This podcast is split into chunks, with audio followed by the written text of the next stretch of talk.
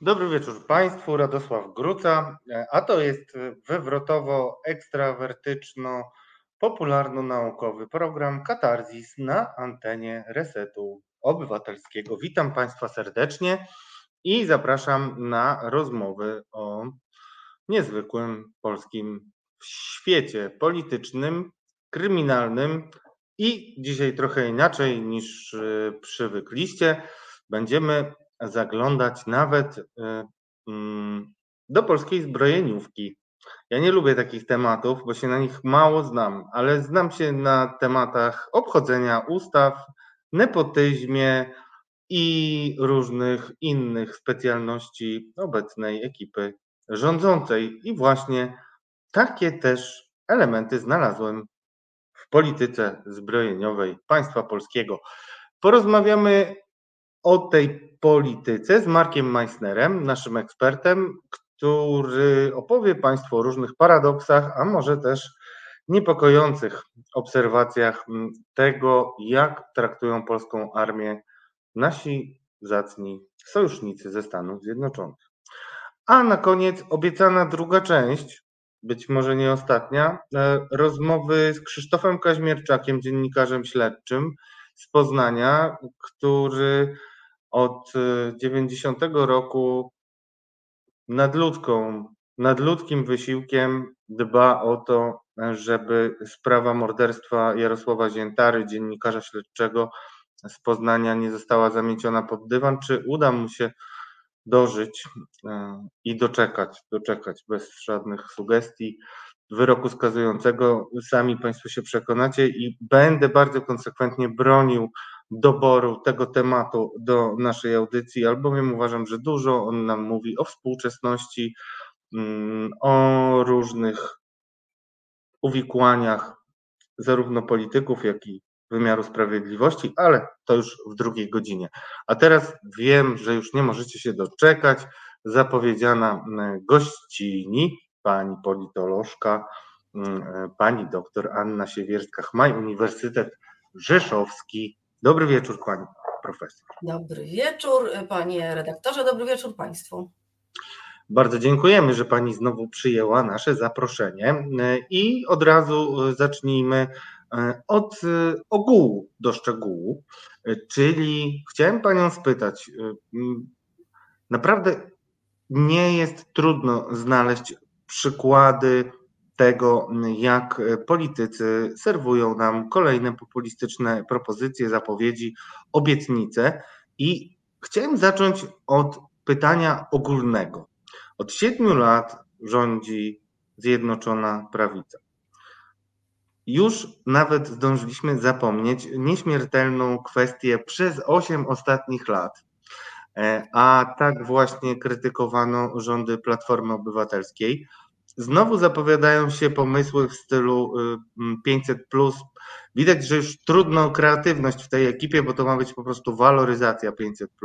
Wiadomo, że za 500 kupisz już dużo mniej. No, tych populistycznych emerytur już oczywiście nie zliczę. Natomiast koniec końców każdy musi zapłacić rachunek za gaz, każdy musi zapłacić wyższe rachunki w sklepie i tak dalej, i tak dalej.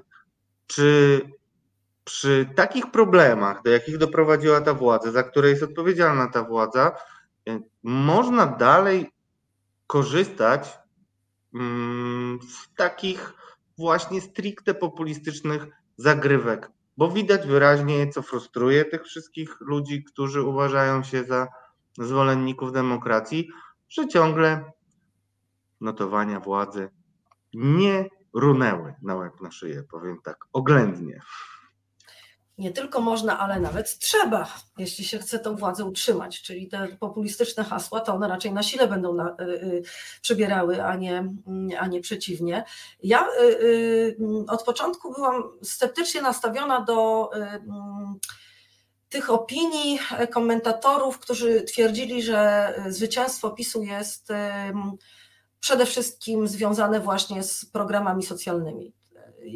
I konsekwentnie trzymam się tej teorii, a mianowicie y, oczywiście y, programy socjalne są istotne, y, ale właśnie teraz, kiedy, kiedy widzimy, że mamy wysoką inflację, że mamy bardzo duży wzrost cen, że te, ten program 500, właśnie to 500 to już jest około 370 zł, jak obliczyli eksperci i tak dalej, i tak dalej. A jednak w sondażach PiS nadal trzyma się całkiem nieźle, mimo tych wszystkich sytuacji. No to twierdzę, że jednak te programy socjalne one są, ważne i były ważne, ale nie najważniejsze. Najważniejsze były właśnie te hasła takie, jak powiedziałabym, stricte populistyczne, czyli takie odwoływanie się do jakiegoś takiego mitycznego ludu e, wstającego z kolan. E, mm, wszystko, co złe, jest winą e, jakichś elit zakłamanych, mających konszachty jakieś zagraniczne, E, jakichś wykształciuchów. No, generalnie e, e, PiS znakomicie odgrzał po prostu retorykę klasową, w czym absolutnie przypomina czasy PRL-u i to lat 50. w tej, w tej retoryce. I ja konsekwentnie podtrzymuję tą, tą swoją teorię, że kwestie socjalne oczywiście one są ważne i, i na pewno jest część elektoratu, jest to elektorat czysto socjalny, natomiast jednak w dużej mierze to jest właśnie ten elektorat, powiedziałabym, bardziej taki y, no, narodowo-populistyczny, a jednocześnie z takim takim resentymentem właśnie antyelitarnym, anty nie wiem, jakim, jakimś takim resentymentem klasowym, o tak bym powiedziała. Właśnie ten re resentyment mm, no, został, y, to jest taki y, mm, resentyment y, mm, no, drugiej generacji, resentyment 2.0 moim zdaniem i o tym też chciałem chwilę porozmawiać, bo pani jest, będę cytował, bo uważam, nie no nie będę cytował, ale jest pani szlachcianką, znaczy nie, bo to są tak kuriozalne wyzwiska. Jak Magnateria w jedenastym pokoleniu chciał, chciał pan powiedzieć, tak? Jest trochę tego. E, e, no, pani doktor, pytanie brzmi tak, bo dotknęła pani w swojej wypowiedzi moim zdaniem esencji tego, co jest jednym z głównych grzechów PiSu. Czyli tego, że elita nagle brzmi jak wyzwisko i tego, że wytworzono takie poczucie w, w znacznej mm, grupie e, Polaków, że oto nadeszły losy tych, którzy utrącają samozwańcze elity e, żyjące pasoszy, paso, e, Boże, pasożytujące, pasożytujące, tak, tak. pasożytujące i tak dalej, i tak dalej. I to chciałem połączyć jeszcze z jednym zjawiskiem, które było widoczne w czasie pandemii, bo w czasie pandemii było bardzo wyraźnie mm, widać, że zniszczono wszystkie autorytety, które mogłyby być uznawane przez większość społeczeństwa.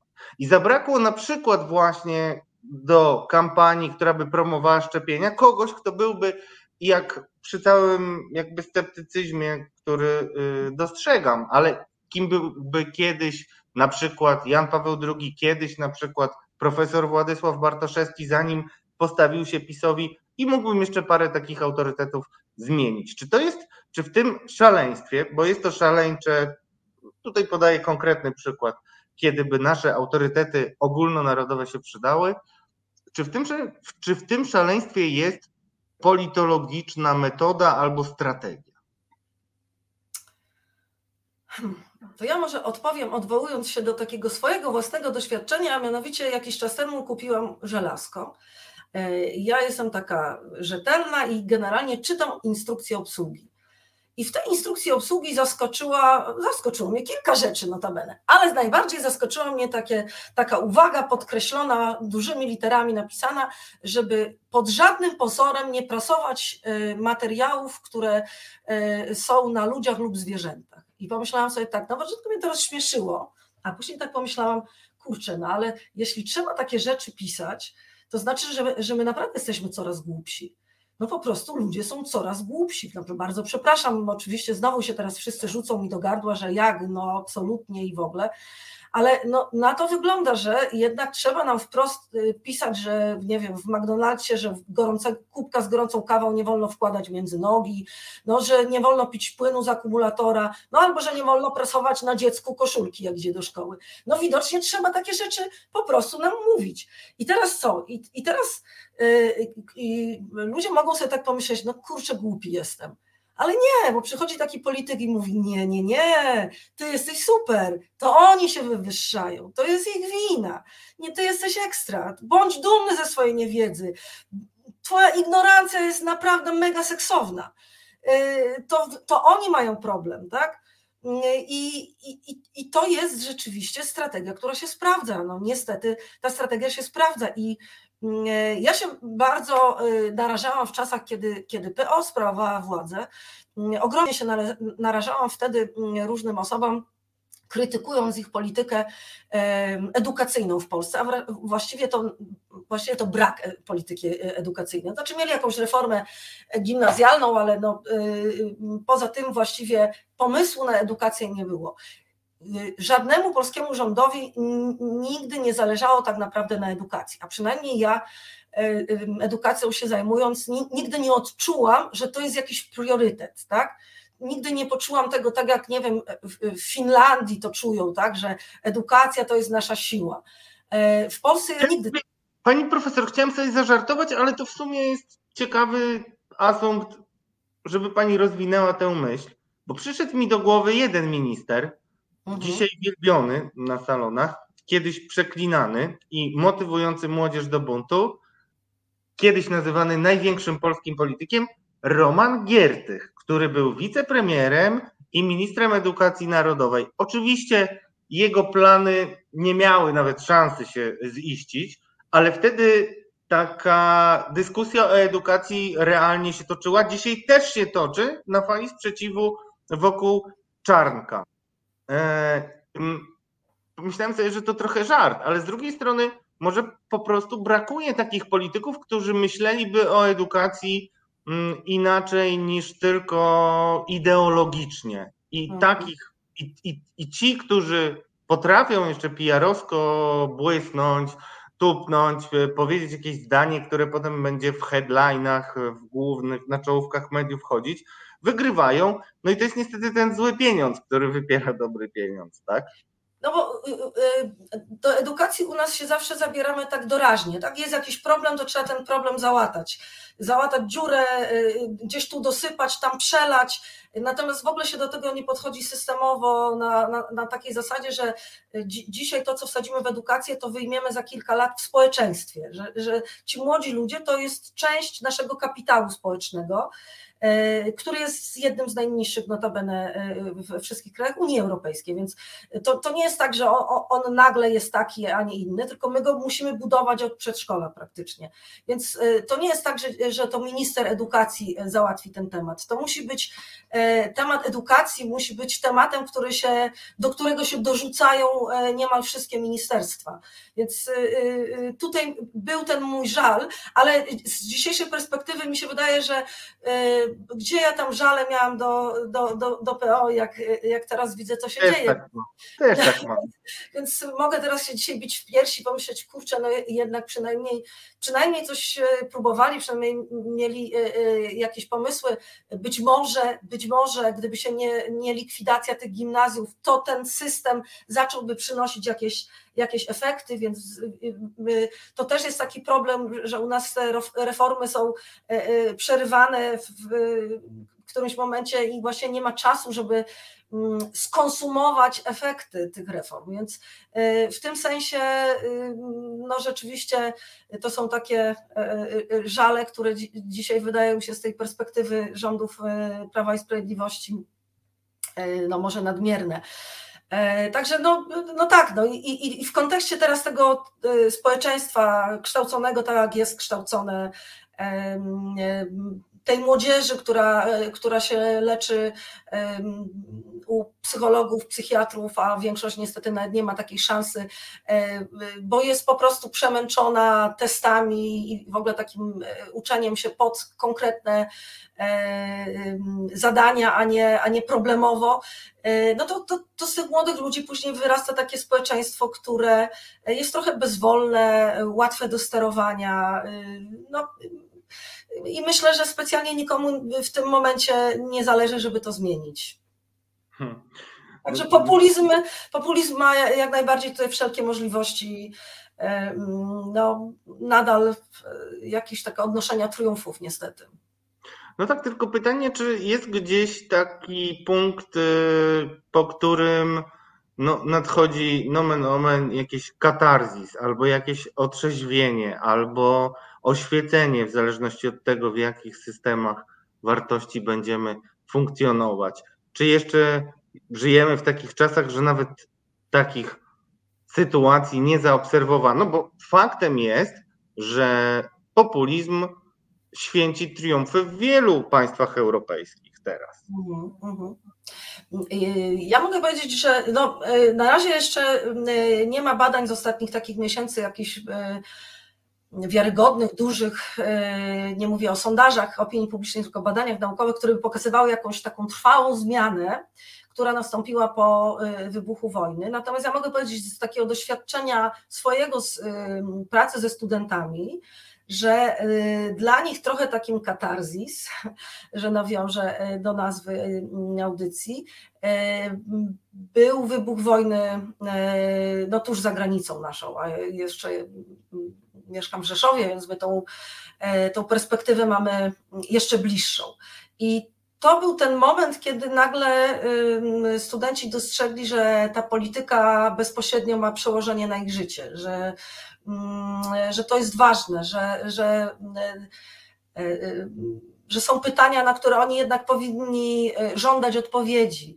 Także ja nie wiem, na ile to będzie trwała zmiana, oczywiście, natomiast to jest jakiś taki kubeł zimnej wody, zwłaszcza dla tych młodych ludzi, którzy dostrzegli, że, że to nie jest tak, że oni sobie będą żyć gdzieś tam na marginesie społeczeństwa, w mediach społecznościowych, w jakichś mikrotożsamościach, E, w sieci, e, natomiast e, świat się będzie toczył bez ich udziału, no bo to bez ich udziału to znaczy, że może ich po prostu przejechać jak walcem, więc być może to jest jak, jakiś katarzis, no ale to, to znowu, to, to jest za wcześnie jeszcze, żeby to powiedzieć no, w takich kategoriach no, badawczych, że mamy taką zmianę. Pewnie za może kilka miesięcy już będziemy takie, takimi badaniami dysponować. No to ja chwilę o badaniach jeszcze, bo nie wiem, czy pani wie, no, obserwuję i, i śledzę też trochę politykę naście lat i wiem doskonale, że mm, ci, którzy próbują zrozumieć rzekomy geniusz Jarosława Kaczyńskiego, który no, dziś już nawet sami politycy prawicy czasami kwestionują, zwracają uwagę na to, że prezes dysponuje wachlarzem ekspertów, socjologów, politologów, psychologów społecznych, którzy przeprowadzają badania na bardzo dużej próbie y, badanych i też starają się uchwycić nastroje mm, nie w danym momencie, tylko y, zbudować model tego, jak mogą poszczególne postawy się zmieniać. Ale wydaje się, że każda partia mogłaby takie badania przeprowadzić. Dlaczego PiS potrafi dotrzeć do takich e, emocji, które wiążą z, nim, z nią, z partią elektorat? Ja myślę, że y, nie tylko inne partie mogą, ale nawet prowadzą takie badania. Tylko problem polega na tym, że Prawo i Sprawiedliwość i kilka jeszcze innych partii, powiedzmy takich przystawkowych, one nie mają skrupułów w wykorzystywaniu pewnych e, tendencji, które są zauważalne w społeczeństwie. E, na przykład właśnie takie tendencje e, antyelitarne, które zostały przecież w badaniach to gdzieś tam wyszło, E, I e, no, jesteśmy społeczeństwem postchłopskim, to, to jest oczywiste. Mamy to takie poczucie krzywdy dziejowej, i to zostało faktycznie dla celów politycznych po prostu odgrzane. Tymczasem, jeśli chodzi o, o, o partie liberalne, czy, czy partie, które mają takie silne e, e, prodemokratyczne wartości wyznają, no pewnych rzeczy się po prostu nie robi. Nawet jeśli nam wychodzi w badaniach jakaś tendencja i, i widzimy, że ta tendencja e, no, byłaby tendencją, gdybyśmy ją chcieli rozdmuchiwać, no, negatywną dla społeczeństwa, to my tego nie robimy. Populiści nie mają takich oporów. Populiści mówią głośno na przykład o lękach, o których i, i te lęki wręcz E, no, mm, powiedziałabym, że wzmacniają, o lękach, o których liberałowie boją się głośno powiedzieć. Boją się o nich głośno powiedzieć, dlatego że nie chcą, żeby mówiąc o nich dodatkowo dole, dole, dolewać oliwy do ognia. Na przykład lęki przed migracją, e, lęki przed islamem. E, ja sama doświadczam tego często wręcz w gronie nawet naukowców, kolegów, że no, co prawda nie jest jeszcze na polskich uniwersytetach, tak jak w Stanach Zjednoczonych, gdzie o pewnych rzeczach w ogóle się nie mówi, bo nie wolno, bo, bo, bo to może być źle odebrane, e, ale już też coś takiego jest w Polsce, że no nie, może lepiej tego nie mówić, bo a, to jest temat drażliwy i tak dalej. No właśnie, otóż uważam, że nie, że właśnie y, y, my wiemy, jakie te lęki są społeczne, I e, to, co robi prawica i to, co robi Prawo i Sprawiedliwość, to rozgrywa te lęki społeczne, absolutnie je rozgrywa. E, natomiast inne partie wręcz boją się o tym mówić, bo uznają, że, że właśnie to, no, to jest albo niepoprawne politycznie, albo to jest nieetyczne i tak dalej. Nie, otóż uważam, że o lękach trzeba mówić. Problemy nie znikną tylko dlatego, że my będziemy udawali, że ich nie ma. E, o nich trzeba mówić, ale o nich trzeba mówić, e, e, nauczyć się mówić językiem, który no nie obraża, który nie jeszcze bardziej fundamentalnych różnic nie, nie, między ludźmi nie, nie, nie czyni, ale z drugiej strony, no halo, jak coś jest złe, to mówimy, że jest złe. I to też trzeba sobie jasno powiedzieć. No, przestańmy już tym takim y, szaroburym językiem, bo to też jest y, znowu tutaj przewaga y, takich partii jak Prawo i Sprawiedliwość, że oni mówią soczystym, kolorowym językiem. E, mnie się oczywiście te kolory mogą nie podobać, zwłaszcza jak mówią w języku brunatnym, ale one są wyraziste, te kolory, i niestety do niektórych docierają. No więc no, partie opozycyjne też muszą się nauczyć mówić tym językiem. Oni wiedzą, co mówić. Ja nie wierzę w to, że nie wiedzą, co mówić, bo mają te badania. No, to wiemy, że mają te badania. To jest tylko kwestia, mm, żeby y, no, no, użyć tego języka. Zresztą Donald Tusk to wie, no przecież napisał to w swojej książce. No, przeczytałam ją bardzo uważnie dwa razy, nawet podkreślałam wiele fragmentów. On, on, sam pisze o tym, że popełnił poprzednio, popełnił e, e, w poprzedniej kadencji, kiedy, kiedy rządzili, e, popełnił błąd, bo y, bo wydawało się właśnie, że wystarczy, wystarczy dobrze zarządzać państwem.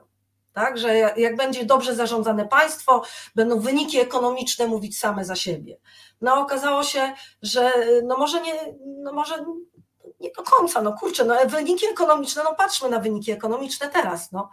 No, y, no oczywiście, no powiemy, no spada PiSowi. No ale w takim tempie, jak to spada, to my możemy nie dożyć zmiany, y, y, zmiany tej władzy. No ja bardzo przepraszam, no, w normalnym kraju no to wszystko, to, to, to właśnie y, to powinno runąć, te, te, te, te sondaże powinny runąć na łeb na szyję. A to jednak ciągle około 30% tego twardego elektoratu jest. Jest.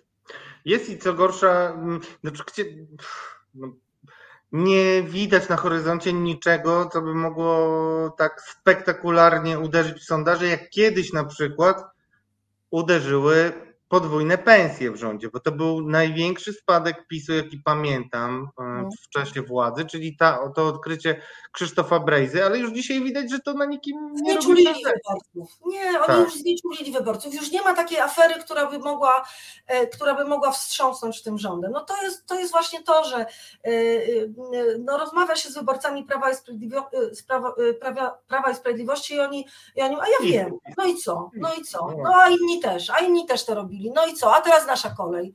No, no dobrze, czy, czy to nie jest plon, który y, zasiali nam symetryści? bo ja wracam z uporem maniaka też jako współtwórca Resetu Obywatelskiego, e, który powstał z niczego, w zasadzie z potrzeby mm, pokazania, że można inaczej i że można znaleźć grupę ludzi myślących podobnie, nawet o sprzecznych poglądach, ale z jakimś wspólnym mianownikiem. To tyle jakby prywatnego, prywatnej autoreklamy, ale moje pytanie brzmi, bo jak kiedy, kiedy ja rozmawiam z politykami i pytam ich, dlaczego nie wyjdą z takim czy innym pomysłem, to oni często mi mówią, że właśnie oni zbadali wyborców i e, wyborcy by tego nie przyjęli. I wtedy często daję taki przykład i teraz się poddaję pani e, krytycznej ocenie tego przykładu.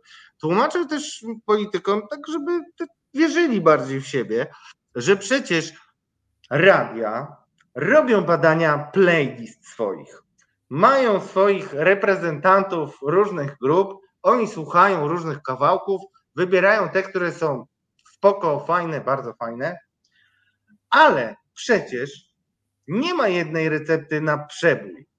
Nie ma. Trzeba czasami zaryzykować. I chciałem spytać, czy pani właśnie dostrzega mm, też y, no, takich polityków, którzy potrafiliby już posłużę się tą metaforą, wejść przebojem ze swoim przekazem, zaryzykować coś, bo może właśnie to kurczowe trzymanie się różnych mm, badań bez wiary we własne możliwości, bo tej wiary strasznie brakuje opozycji. Strasznie. To oni są przetrenowani w bezradności przez 7 lat tak, jak nie jeden pies e, na badaniach.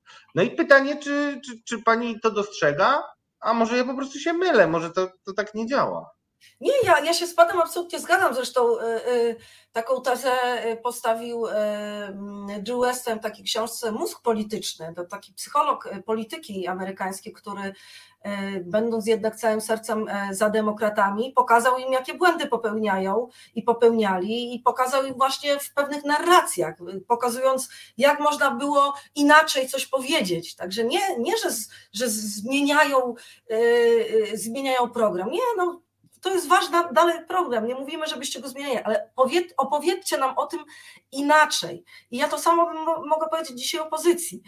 Ja nie mam nic do waszego programu opowiedzcie nam o tym programie inaczej, e, e, tak żebyśmy zrozumieli, także żeby, żeby zrozumiał to doktor habilitowany, ale żeby to też zrozumiał właśnie ten, ten pan Edek czy, czy ten pan Janek, do którego PiS mówi tak, że on się nie czuje obrażony, bo on rozumie, co się do niego mówi.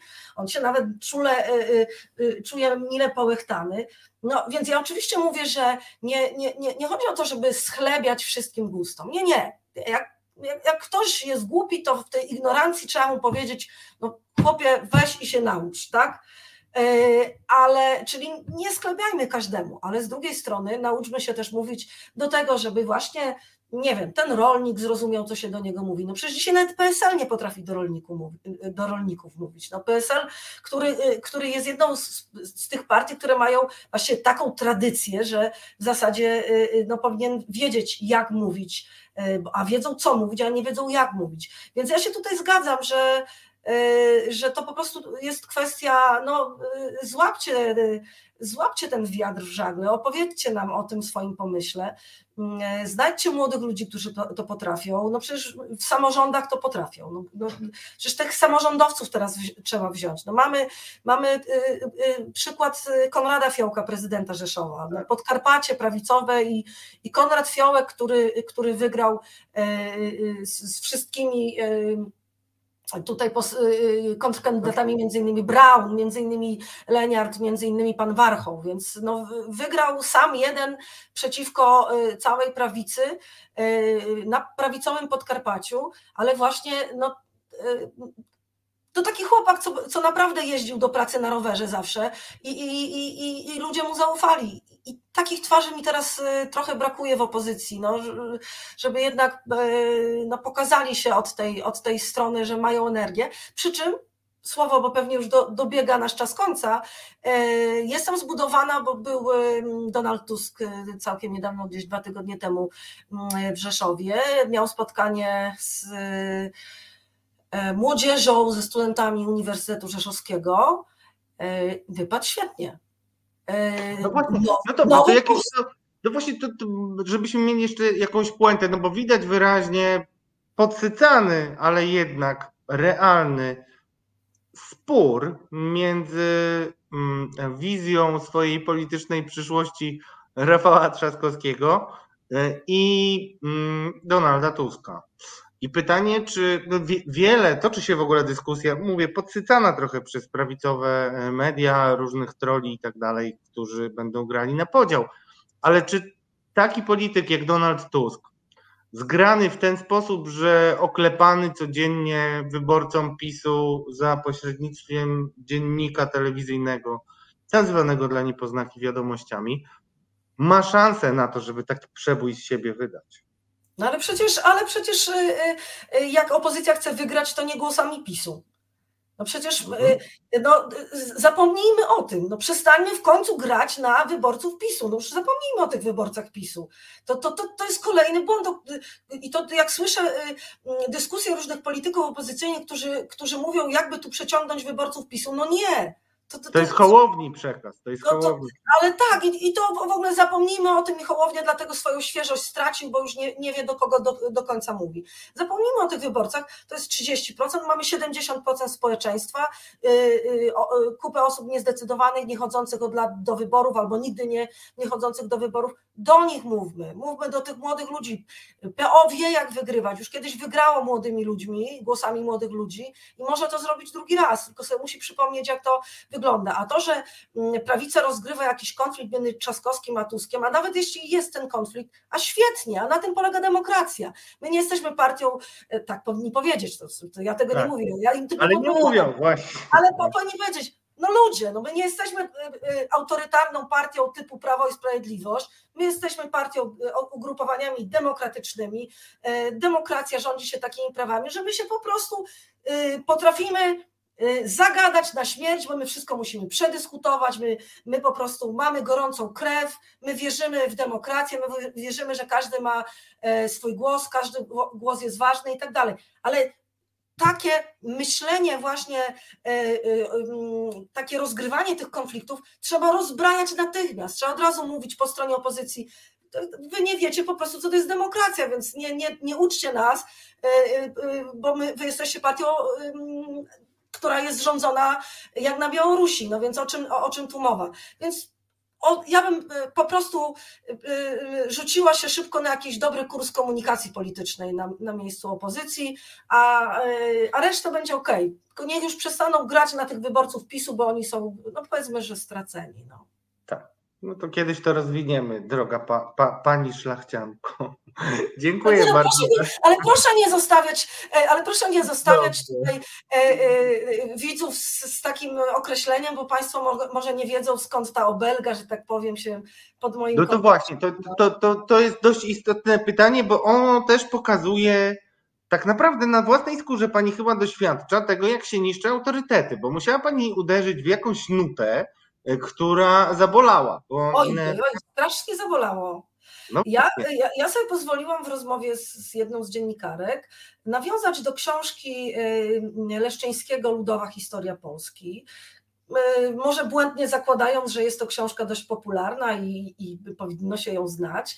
A to jest książka, która pokazuje, że jednak ta nasza historia Polski no rzeczywiście jest ludowa i że my wszyscy, wszyscy podkreślam, niemal wszyscy, e, mamy e, chłopskie korzenie, no, tych chłopów pańszczyźnianych, które się wykorzystywało przez całe wieki, ta krzywda w nas głęboko gdzieś siedzi, tak? No i teraz tak, część z nas poszła do przodu, i, i, i odcięła się od, od tej krzywdy i przecież nie będziemy żyć ciągle tym, co, co tam tych naszych y, prapradziadków spotykało, tylko idziemy do przodu. No ale część tego y, społeczeństwa właśnie pozwoliła na to, że PiS odgrzał te resentymenty klasowe y, i, i, i ten PiS właśnie, no ta jego retoryka, to, to jest taka retoryka trochę właśnie tej mentalności do chłopów pańszczyźnianych. Mówimy, bierzcie te kosy na sztorc i będziemy tą riezać, tą, tą, riezać te elity. No i użyłam tego określenia mentalności właśnie chłopów pańszczyz, pańszczyźnianych, no i prawicowa, mm, prawicowe media rzuciły mi się tak do gadła strasznie. Muszę powiedzieć, że ja mm, jaki by rząd nie był, zawsze krytykuję, no bo jestem generalnie politologiem, no to co mam chwalić, no jak coś jest źle, mówię, że jest źle. Strasznie kiedyś Tuska krytykowałam za to, że jako jeden z pierwszych Polska uznała niepodległość Kosowa bez żadnych warunków. Och, co, dostało mi się, ale szczerze mówiąc, bardzo mi się dostało, ale nikt mi nie groził śmiercią, na Boga. Natomiast no, no, no, no bardzo przepraszam, no ale taka jest prawda. No, po, po, po tych e, wszystkich obelgach w e, prasie, mediach prawicowych, no ja po prostu dostałam groźby śmierci. Ja już nie mówię o innych rzeczach, tam zwolnienie z pracy, do rektora listy i tak dalej. No więc no, chyba faktycznie strasznie zabolało. No właśnie zabolało, ale to jest niesamowite. Już no, mm, nie chcę Państwa zostawiać. Sam dobór moich gości wskazuje na to, y, że wybieram nieprzypadkowo i nie jak leci. Ale y, to chyba jest trochę tak. Ostatnio widziałem też y, w dzienniku atak na profesora Bodnara, byłego rzecznika praw obywatelskich, któremu zarzucano, że on powiedział, to jest kolejna, to jest seria w ogóle takich irracjonalnych zarzutów, że powiedział, że trzeba będzie się skupić na sojuszach międzynarodowych, żeby nas jakoś ustawiły. Ja tutaj nie mówię dokładnie cytatu, bo y, nie byłem przygotowany, przyznaję, żeby go podać, ale wcześniej też atakowano go za to, że y, porównywał y, Polskę do zwierzątka, bardzo kochanego zresztą, bo to, to zwierzę to był lisek e, z małego księcia, e, którego e, trzeba było wziąć za niego odpowiedzialność i oswoić liska. I oswojenie liska, które położyło się akurat na moim życiu, drodzy nasi widzowie i widzki, znacząco, bo tak też zawarłem małżeństwo, że moja była małżonka powiedziała, musisz teraz oswoić liska, no to doskonale to rozumiem i mam przemyślane. Tymczasem z tego zrobiono tak, że Adam Bodnar próbuje nas traktować jak jakiegoś psa. No to tak mniej więcej tego typu była historia. I tutaj pytano mnie, y, proszono mnie, żebym zapytał panią profesor, jak to się stało, że tak łatwo można było zniszczyć te nasze autorytety i to wszystko zagruzować.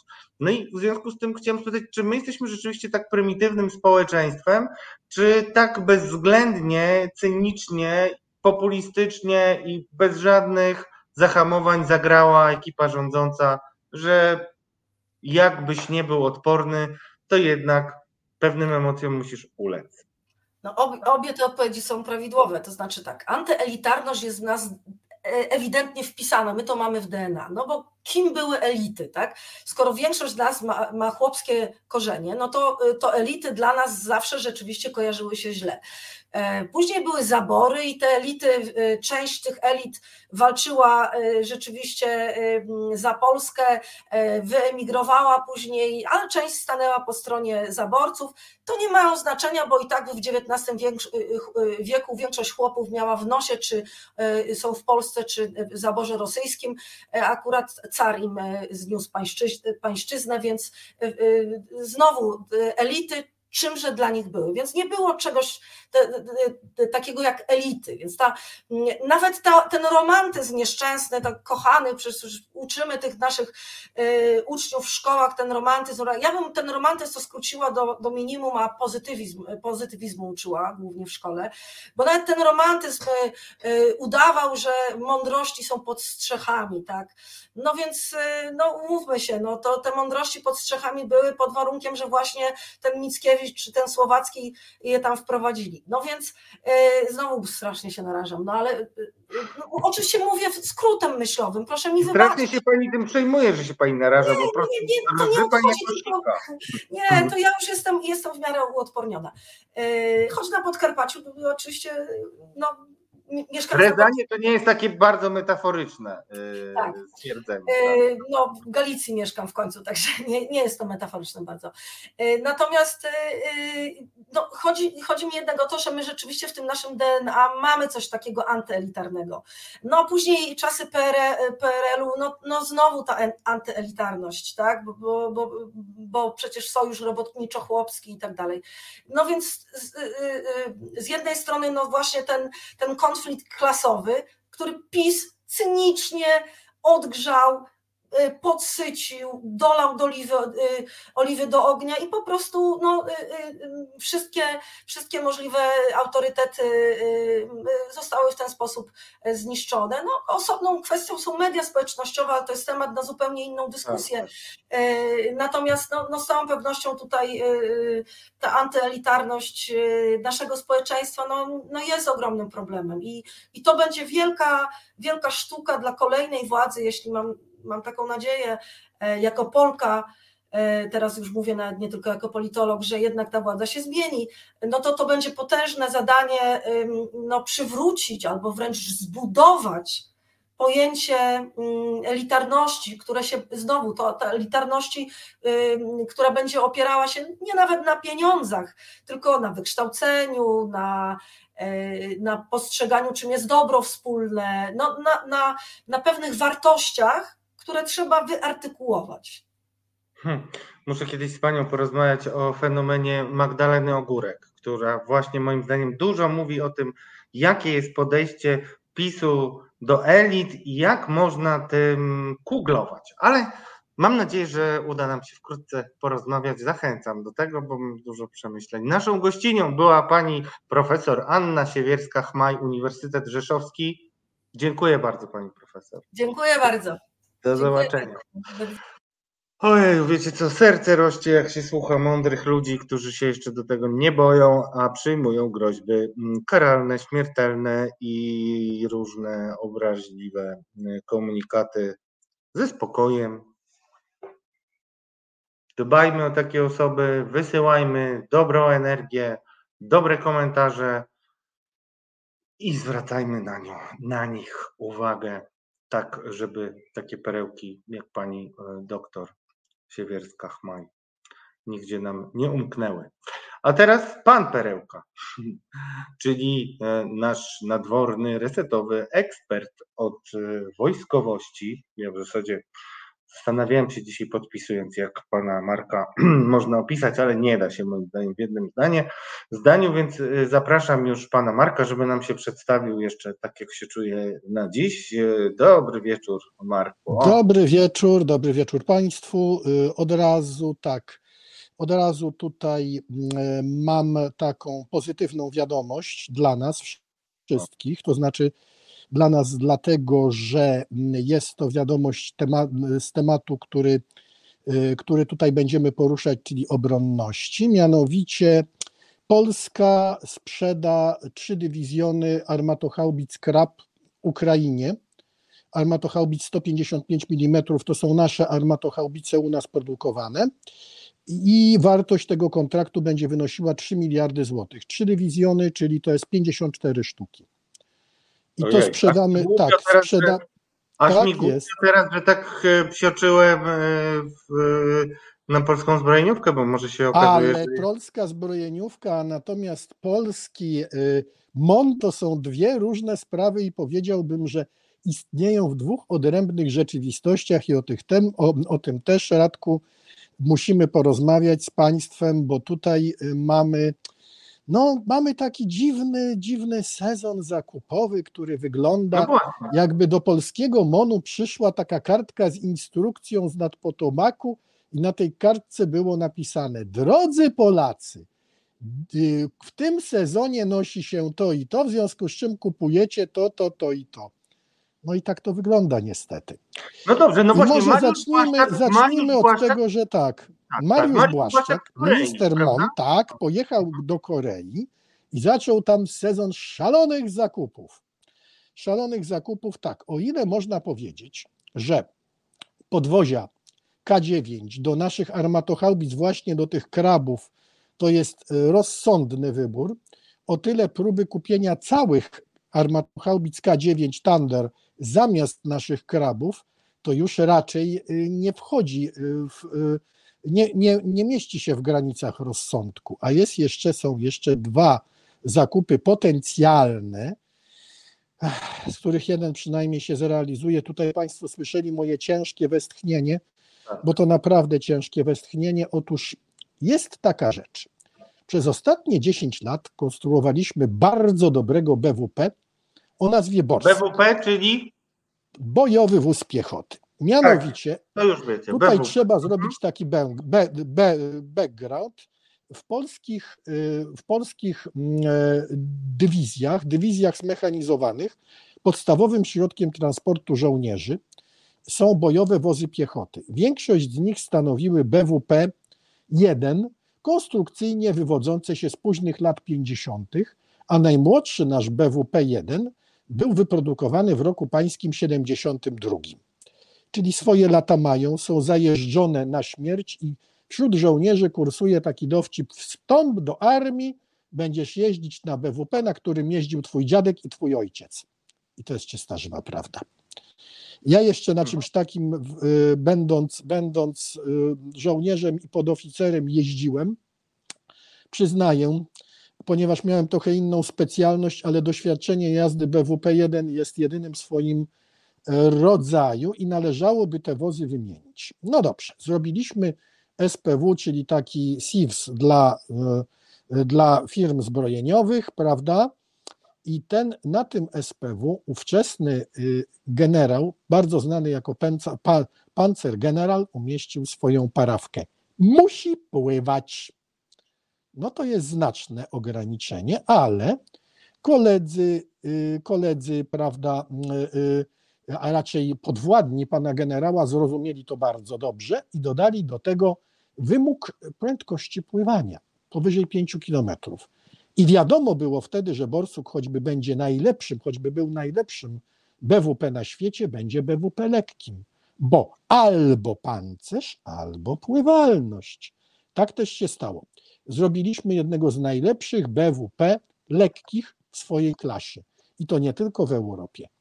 No ale teraz nagle w Monie się zorientowano, Jezus Maria, przecież on pływa, on jest lekki, a nam potrzebne są lepsze, nam potrzebne są ciężkie, ponieważ, w, ponieważ wojna w Ukrainie i przekroczenie Dońca przez Rosjan udowodniło, że taki BWP, który jest lekki, może być siedzącą kaczką dla artylerii oraz dla wszelkiego typu środków przeciwpancernych. Zresztą nawet wcześniej boje pod Kijowem pokazały to dostatecznie jasno. No i co się stało?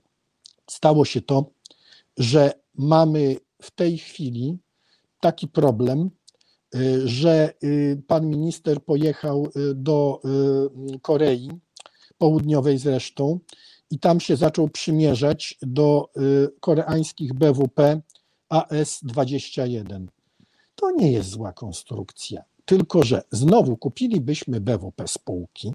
Koreańczycy AS-21 produkują bardzo powoli, bo tak naprawdę to on ma być tylko uzupełnieniem ich jednostek pancerno-zmechanizowanych, gdzie pierwszą, pierwszą, pierwsze skrzypce odry, od, od, odgrywa znowu lekki BWP K21. I tu był problem, bo były przymiarki do tego, żebyśmy K21 też kupili, a właściwie kupili zamiast.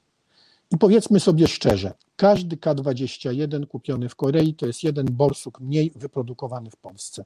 Tym bardziej, że sposób pływania K21 jest archaiczny, mianowicie są to nadymane pływaki wystawiane z burt wozu. To jest szalenie niebezpieczne dla załogi, dla desantu, dla wszystkich. No a tutaj mamy, bądźmy szczerzy, dobrego, dobrego EWP własnego, czyli Borsuka. No ten AS-21, gdyby ewentualnie produkcja miała być w części przeniesiona do Polski, no to mógłby być, tylko dlaczego? Dla, przecież my możemy tego borsuka dopancerzyć, to prawda traci on wymóg pływania, ale będziemy mieli bardzo dobry BWP i to w dodatku własny. I teraz jest pytanie, co, co właściwie się dzieje? Skąd jest ta cała inba? Prawda, No że ona korzeniami korzeniami jest w latach, w latach 90., kiedy całkowicie rozmontowano wojska inżynieryjne. No całkowicie to rozmontowano, są wojska może to za inżynieryjne? dużo. Marek, ja Tak. muszę, Marku, muszę Wojska tutaj... inżynieryjne to są, to są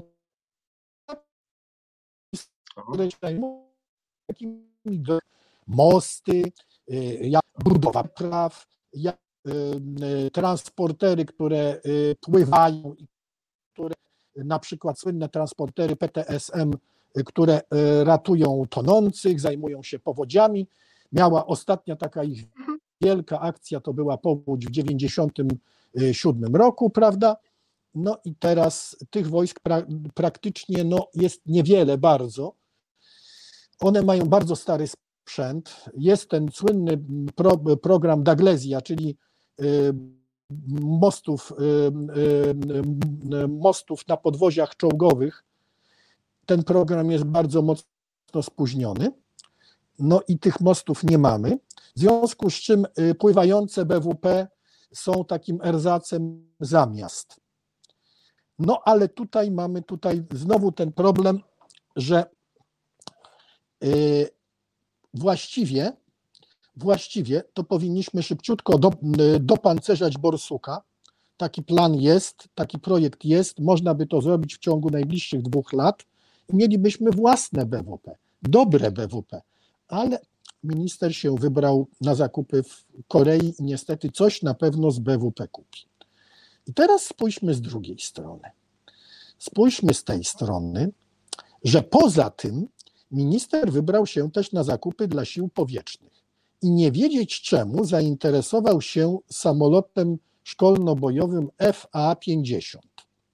Dodajmy, samolot w tej samej klasie, czyli M346, mamy jako bielik, mamy w y, szkole Orląt w Dęblinie i jest jego wersja bojowa y, M346FA, którą można byłoby wdrożyć błyskawicznie do sił powietrznych, jeżeli nam już zależy tak bardzo na tym, żeby mieć samolot y, szkolno-bojowy, który będzie jednocześnie maszyną bojową. Ale nie. Myśmy się zainteresowali, to znaczy MON się zainteresował y, właśnie T-50, czyli FA-50, czyli y, samolotem KAI, który jest robiony w dużej mierze we współpracy z Lockheed Martin. No i teraz amerykańską zajrzyjmy. zbrojeniową, żeby Państwo wiedzieli. Przyjrzyjmy się teraz pewnej rzeczy. Tutaj ci Radku przerwę. Przyjrzyjmy się pewnej rzeczy. Mianowicie, jakby się tak dobrze przyjrzeć naszym siłom powietrznym i zakupom, które dla tych sił powietrznych robiono, to one wyglądają jak lista ofertowa Lockheed Martin. F-16, Block 52, kupiliśmy F-35, F-35A i teraz się przymierzamy z nienacka do FA-50, niby robionych przez koreański KAI, ale z dużym udziałem Lockheed Martin. No i to już nie wygląda ciekawie, bo tak jakbyśmy byli no, yy, monoklientem tylko pewnego koncernu. Ja tutaj nie jestem absolutnie antyamerykański, ale uważam, że należy unikać przesady, tym bardziej, że powiem to, co mówią ludzie z sił powietrznych. A na plaster nam FA-50. Czy my mamy robić działania przeciwpartyzanckie? Bo do tego taka y, maszyna się najbardziej y, nadaje. Ona w strefie konfliktu o rozbudowanej obronie przeciwlotniczej nieprzyjaciela będzie ponosić bardzo duże straty. Nam potrzebny jest samolot bojowy, wielozadaniowy, czyli więcej eskadr F-16, też Lockheed Martina. Tylko tu jest pewien, pewien problem. Lockheed Martin stwierdził, że im ta produkcja F-16 idzie bardzo powoli.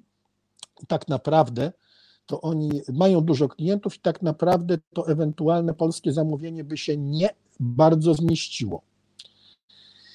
No i teraz. Olga Putniak pyta, kto wziął w łapę, Marku. Olga Ale- Putniak pyta, kto wziął w łapę. Ale ja, ja spytam inaczej. Marku, Ja tylko, ja tylko spojrzę inaczej. Ja tylko spojrzę na to inaczej. Właściwie w tym momencie, dlaczego nie szukamy innych dostawców, jeżeli już tak lubimy wuja sama, dlaczego tak nie szukamy innych dostawców wuja sama? Jest taka dosyć spora firma Boeing się nazywa, ma dosyć dobre i ciekawe samoloty. No ja wiem, tutaj mielibyśmy y, y, sprawę dla logistyków, bo jeszcze jeden typ maszyny. Ale dlaczego zamiast nie poszukamy choćby używek od firmy Boeing? Bardzo dobrych, na przykład F-18, prawda? Taki bardzo dobry samolot znany i tak dalej. Ale tutaj poszukajmy nawet w Europie, gdzie sprzedawano używki w dobrym stanie mm, Eurofighter, prawda? Dlaczego, no już nawet nie chcę mówić o mm, Sabie, czyli o JAS-39, bo jest bardzo duża kapliczka JAS-39 w siłach zbrojnych, no ale dlaczego właściwie myśmy się tak uparli na tego Lockheed Martina, jak to jest mm, to, co się nazywa downgradingiem, czyli zejście w dół, przynajmniej o dwie klasy jeżeli jesteśmy w stanie nawet kupić u wuja sama lepsze maszyny, bardziej nam odpowiadające, prawda? I tak jest właściwie z tymi zakupami w Korei. Trafiony jest bez wątpienia czołg, czyli K2, bo on się nam przyda. On w formie K2PL może bardzo dużo, może bardzo dużo zmienić. I tutaj, y, jeżeli zostanie przeprowadzona dobra modernizacja, to to jest zakup no, dobry. Natomiast cała reszta wygląda bardzo dziwnie i, decz, i powiedziałbym deczko bezsensownie. Podobnie jak zakup tych 500 Himarsów, z których na pewno 500 nie kupimy, ponieważ 380 ma całe US Army. Więc tutaj raczej y, można powiedzieć, y, że tutaj chodzi o zupełnie inną sprawę, ale to jest na dłuższą rozmowę. Na rozmowę o tym, jak y, mm, nasza armia jest meblowana. Meblowana jest trochę z zewnątrz. I tutaj no, wina duża leży po stronie MONU i w tej chwili nic na to nie możemy poradzić, ponieważ nasz wielki sojusznik z Ameryki doszedł do wniosku, że my nie damy rady sami sobie poradzić, po prostu nie damy rady się sami obronić. I to jest duży problem. To jest problem, który się będzie jeszcze odzywał długo i będzie dla nas bardzo bolesny. Hmm. Ale mm, powiedz mi, Marku, bo ja może nie jestem do końca świadomy, ale ja żyłem w takim przekonaniu utrwalanym przez kolejnych szefów MON oczywiście, szczególnie pierwszego, którego tak śledziliśmy przez lata, że mieliśmy stawiać głównie na polski przemysł zbrojeniowy. Ja, nie no cóż, ja też... no, i no cóż, ja też to słyszałem, ja też to słyszałem, ale podobno wojna na Ukrainie udowodniła nam, w Ukrainie udowodniła nam, że trzeba robić szybkie zakupy, trzeba odbudowywać zdolność bojową armii, bo nie wiadomo, tylko, że tak mi się wydaje, że Rosjanie ponieśli w Ukrainie duże straty i że tak naprawdę to oni długo nie będą zdolni do jakichkolwiek działań ofensywnych, tym bardziej na kierunku, który by się skończył zderzeniem z całymi siłami NATO. Prawda? Ale to, no, ale nagle takie zakupy, które sprawiają wrażenie nieco panicznych, tylko że to one nie są paniczne. One niestety są zaplanowane, tylko że nie u nas zaplanowane. I to jest cały, cały, cały problem, na który trzeba spojrzeć całościowo. Uważam, i są wszelkie znaki na niebie i ziemi, że nad Potomakiem doszli do wniosku, że my nie damy rady sami się obronić. Bo jest tak. To znaczy, jaka będzie rola dla polskiej armii, Marku, przeznaczona, jeśli my sami siebie nie damy rady Y, jeżeli byłby atak na Polskę, to w takim razie broni nas US Army, której y, obecność będzie stała. Zły, zły, jak to y, śpiewali Beatlesi, Beatlesi with a little help, naszą. To jeśli sobie wyznaczyć tak, kon, mhm. konkretnie, konkretnie naszą rolą byłoby wsparcie artyleryjsko-rakietowe, Y, dwie dywizje, które mm, oddamy y, Amerykanom do związków taktycznych amerykańskich, ponieważ one będą y, zorganizowane według standardów US Army i to widać, że już 18 będzie tak zorganizowana, bo Abramsy, bo prawdopodobnie te BWP, które miałyby być, no nie wiemy jakie, być może to będą w dobrych, przy dobrych wiatrach AS-21 y, i to miałoby trafić do związków, y, do, do związków operacyjnych Amerykanów, kierowanych, dowodzonych przez Amerykanów, oczywiście z naszym dowództwem polskim jak najbardziej, ale według ich standardów. A cała reszta naszej armii byłaby takimi związkami pomocniczymi, które będą na kierunkach pomocniczych, które będą zabezpieczały, które będą broniły, które będą y, obstawiały istotne kierunki y, poboczne i po prostu tutaj nie będą uczestniczyły bezpośrednio w, w fazach y, ataku ofensywnych, nazwijmy to. Dlaczego? Jest takie coś, że jeżeli y, któreś z państw zostało zaatakowane, któreś z państw NATO zostało zaatakowane, to NATO musi mieć czas na zebranie swoich sił. I ten czas jest dla Polski mniej więcej, no powiedzmy, D plus 7 do D plus, do D plus 14. Co to jest D? To jest data ataku. Czyli musimy przez 7 do 14 dni bronić się sami, wtedy wchodzi NATO at full force. Wcześniej prawdopodobnie wejdą Amerykanie, ale musimy mieć ten czas, to okienko, w którym bronimy się sami. I prawdopodobnie nad Potomakiem doszli do wniosku, że no niestety bieda, ta nasza armia to nie da rady. Jak udowodniła Ukraina, no to nie możemy, nie damy rady, w związku z tym trzeba polską armię dozbroić. No ale jak tu dozbroić polską armię, jak oni mają problem sami ze sobą? No to dostaliśmy chyba listę zakupową. Tak to wygląda. No to przykra bardzo konstatacja, Marku. Chyba będziemy musieli jeszcze o tym porozmawiać.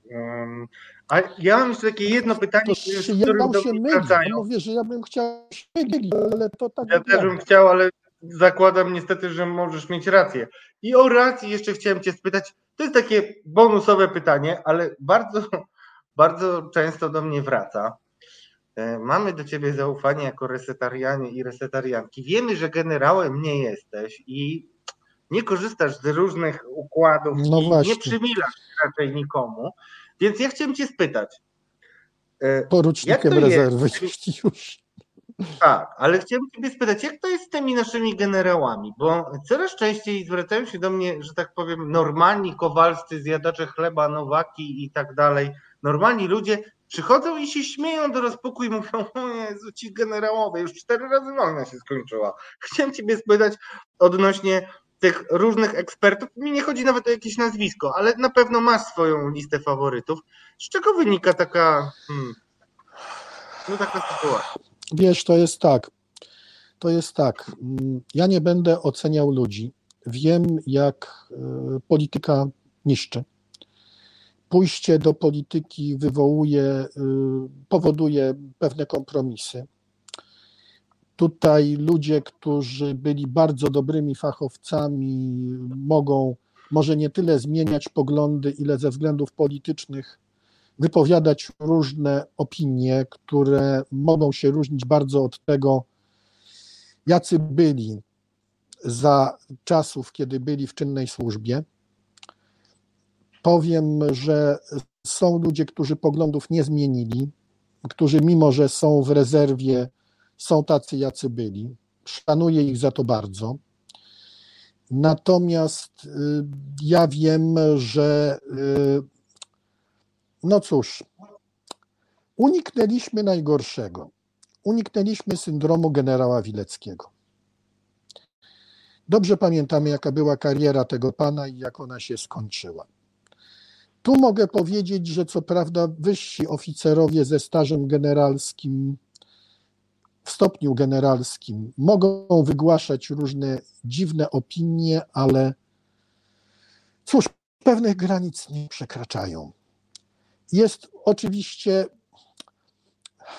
czasem wywołuje pewien niesmak polityczny, w jaki sposób oni to, co zrobili w wojsku i to było dobre, rozmieniają na drobne.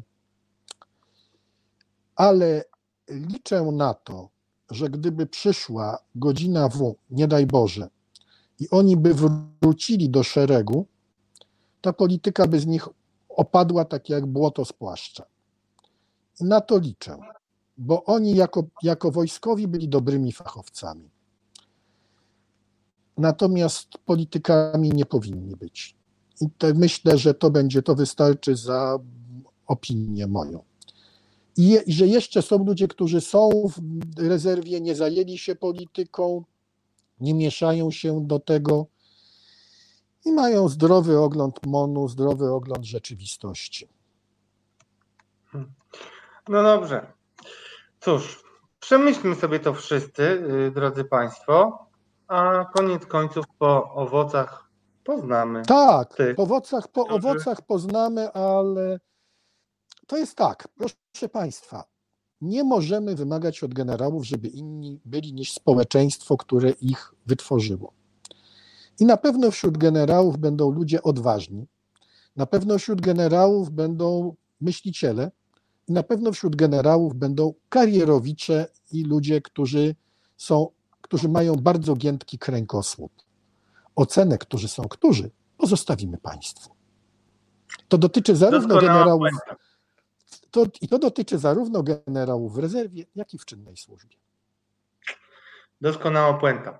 Naszym gościem był Marek Meissner. Bardzo Ci dziękuję. Zapraszam Dziękuję bardzo, dziękuję bardzo Państwu. Do I widzenia. trochę optymistycznie, a trochę po prostu merytorycznie. Drodzy Państwo, yy, bardzo dziękuję Markowi. Zróbmy chwilę przerwy, po której zanurzymy się niestety w świat zbrodni, służb specjalnych i bezradnego, kochanego, mojego kraju, zwanego Polską.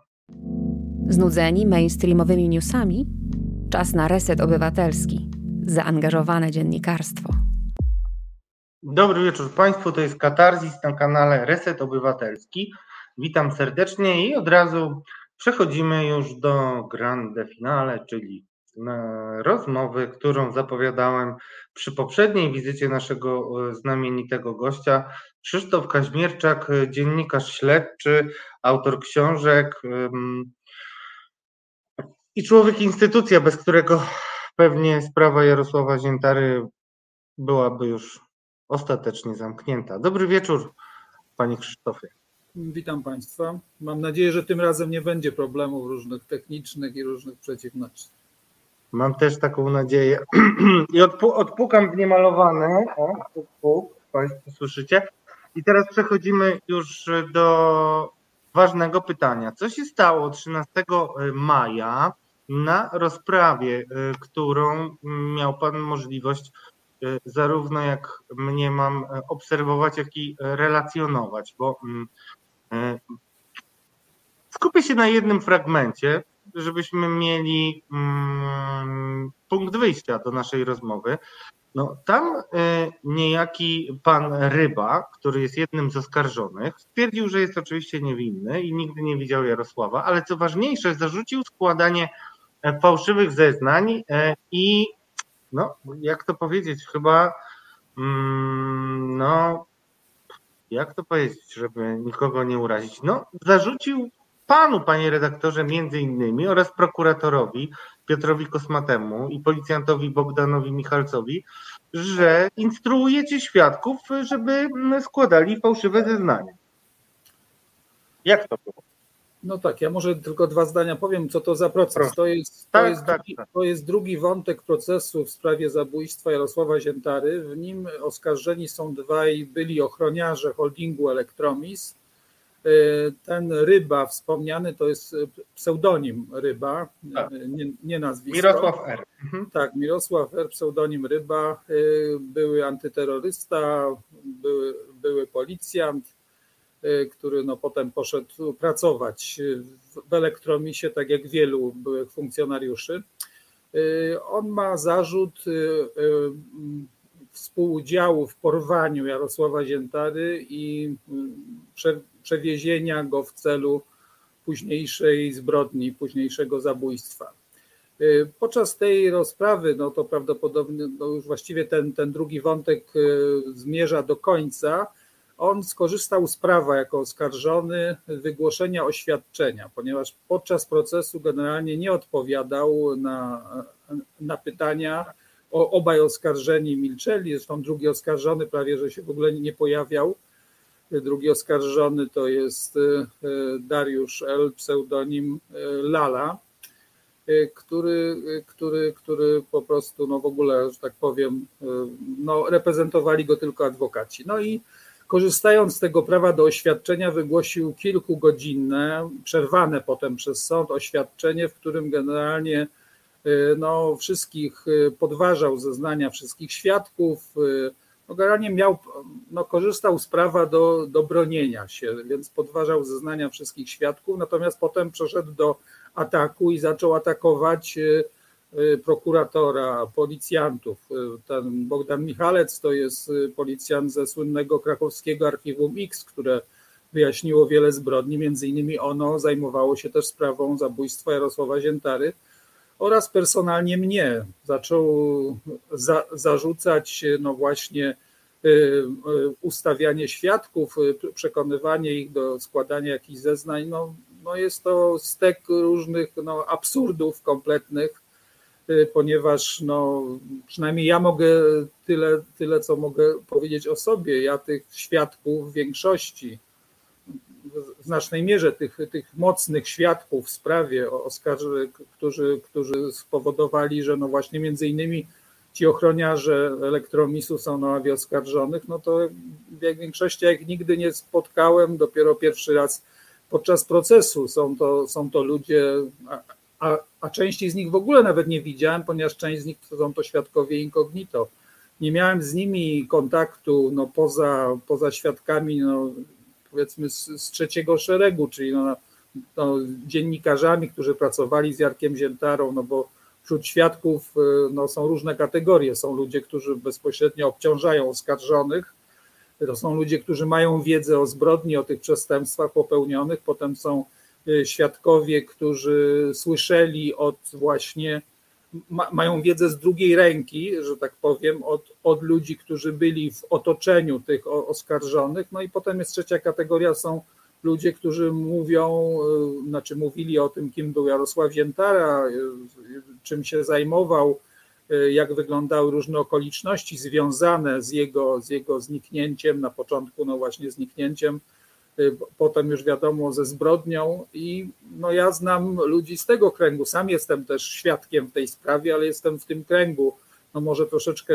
szerzej, ponieważ no rozmawiałem, rozmawiałem, ale już na etapie po postawieniu zarzutów, no świadkiem jednym z kluczowych, czyli też byłem ochroniarzem elektromisu, Y, Maciejem B., pseudonim Baryła, ale z nim rozmawiałem już po tym, gdy ci ludzie, między innymi no ten właśnie oskarżony Ryba, mieli postawione zarzuty. Ja go pierwszy raz się zetknąłem i, i właściwie uzyskałem od niego wiedzę na temat tego, y, jakie zeznania on złożył w śledztwie, co on wie o, o, o sprawie Ziętary. Także no, mówię, wszystkie, wszystkie te jego te, te takie no, napastliwe że tak powiem, zdania no, są, są pozbawione jakiegokolwiek, no, jakichkolwiek podstaw, no, ale wcześniej już też no, oskarżał parokrotnie podczas tego procesu, wygłaszał rzeczy, znaczy wygłaszał, przepraszam, może nie on, tylko, tylko y, o, o, obrońcy no, różnego rodzaju no, działania podejmowali mające, mające na celu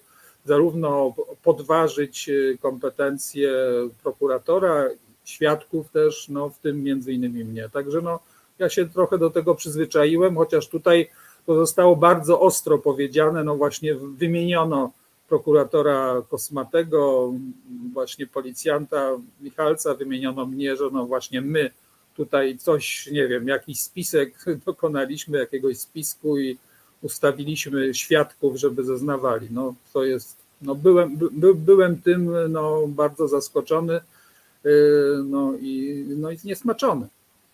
Hmm. No ja miałem takie sytuacje, y, ale to jednak nie dotyczyło morderstw, y, co już jest no, wyjątkową podłością, tym bardziej w świetle tego, co pan przez ponad 20 lat robi. Panie Krzysztofie, mm, zwróciło moją uwagę w relacji, którą czytałem na stronie Poznańskiego Ośrodka TVP3, taki fragment dotyczący relacjonowania tego, o czym mówił Mirosław R.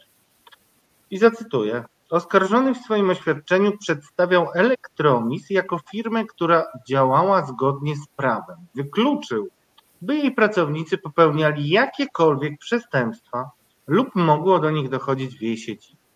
W ten sposób kwestionował udział ludzi z Elektromisu w porwaniu oraz zeznania świadków, że dziennikarza początkowo przetrzymywano i torturowano na terenie holdingu. Ten holding przynajmniej z mojej perspektywy, mm, nie jest nieważny w tej sprawie. E, I też nie jest nieważny, mimo że nie siedzi na ławie oskarżonych, e, ten, który ten holding mm, tworzył, czyli miliarder, e, milioner, nie wiem, nie liczyłem, Mariusz Eś, który niespodziewanie co też chciałem przypomnieć wszystkim. Niespodziewanie po latach milczenia, bo jest to człowiek, który unika mediów, rzadko się pokazuje, udzielił nawet takiego wywiadu, w którym no, kwestionował wiele podejrzeń, które były formułowane, jeśli chodzi o niego. E, dlaczego oskarżonemu mogło tak zależeć na tym, żeby podkreślać, że Elektromis mm, był taką wspaniałą firmą, gdzie nikt nie mógł popełnić żadnego przestępstw. No, Elektromiz jest tutaj kluczem jakby całej tej sprawy, znaczy kluczem, teatrem zbrodni. No, generalnie je, jego rola i rola ludzi związanych z Elektromisem jest, no, jest podstawowa.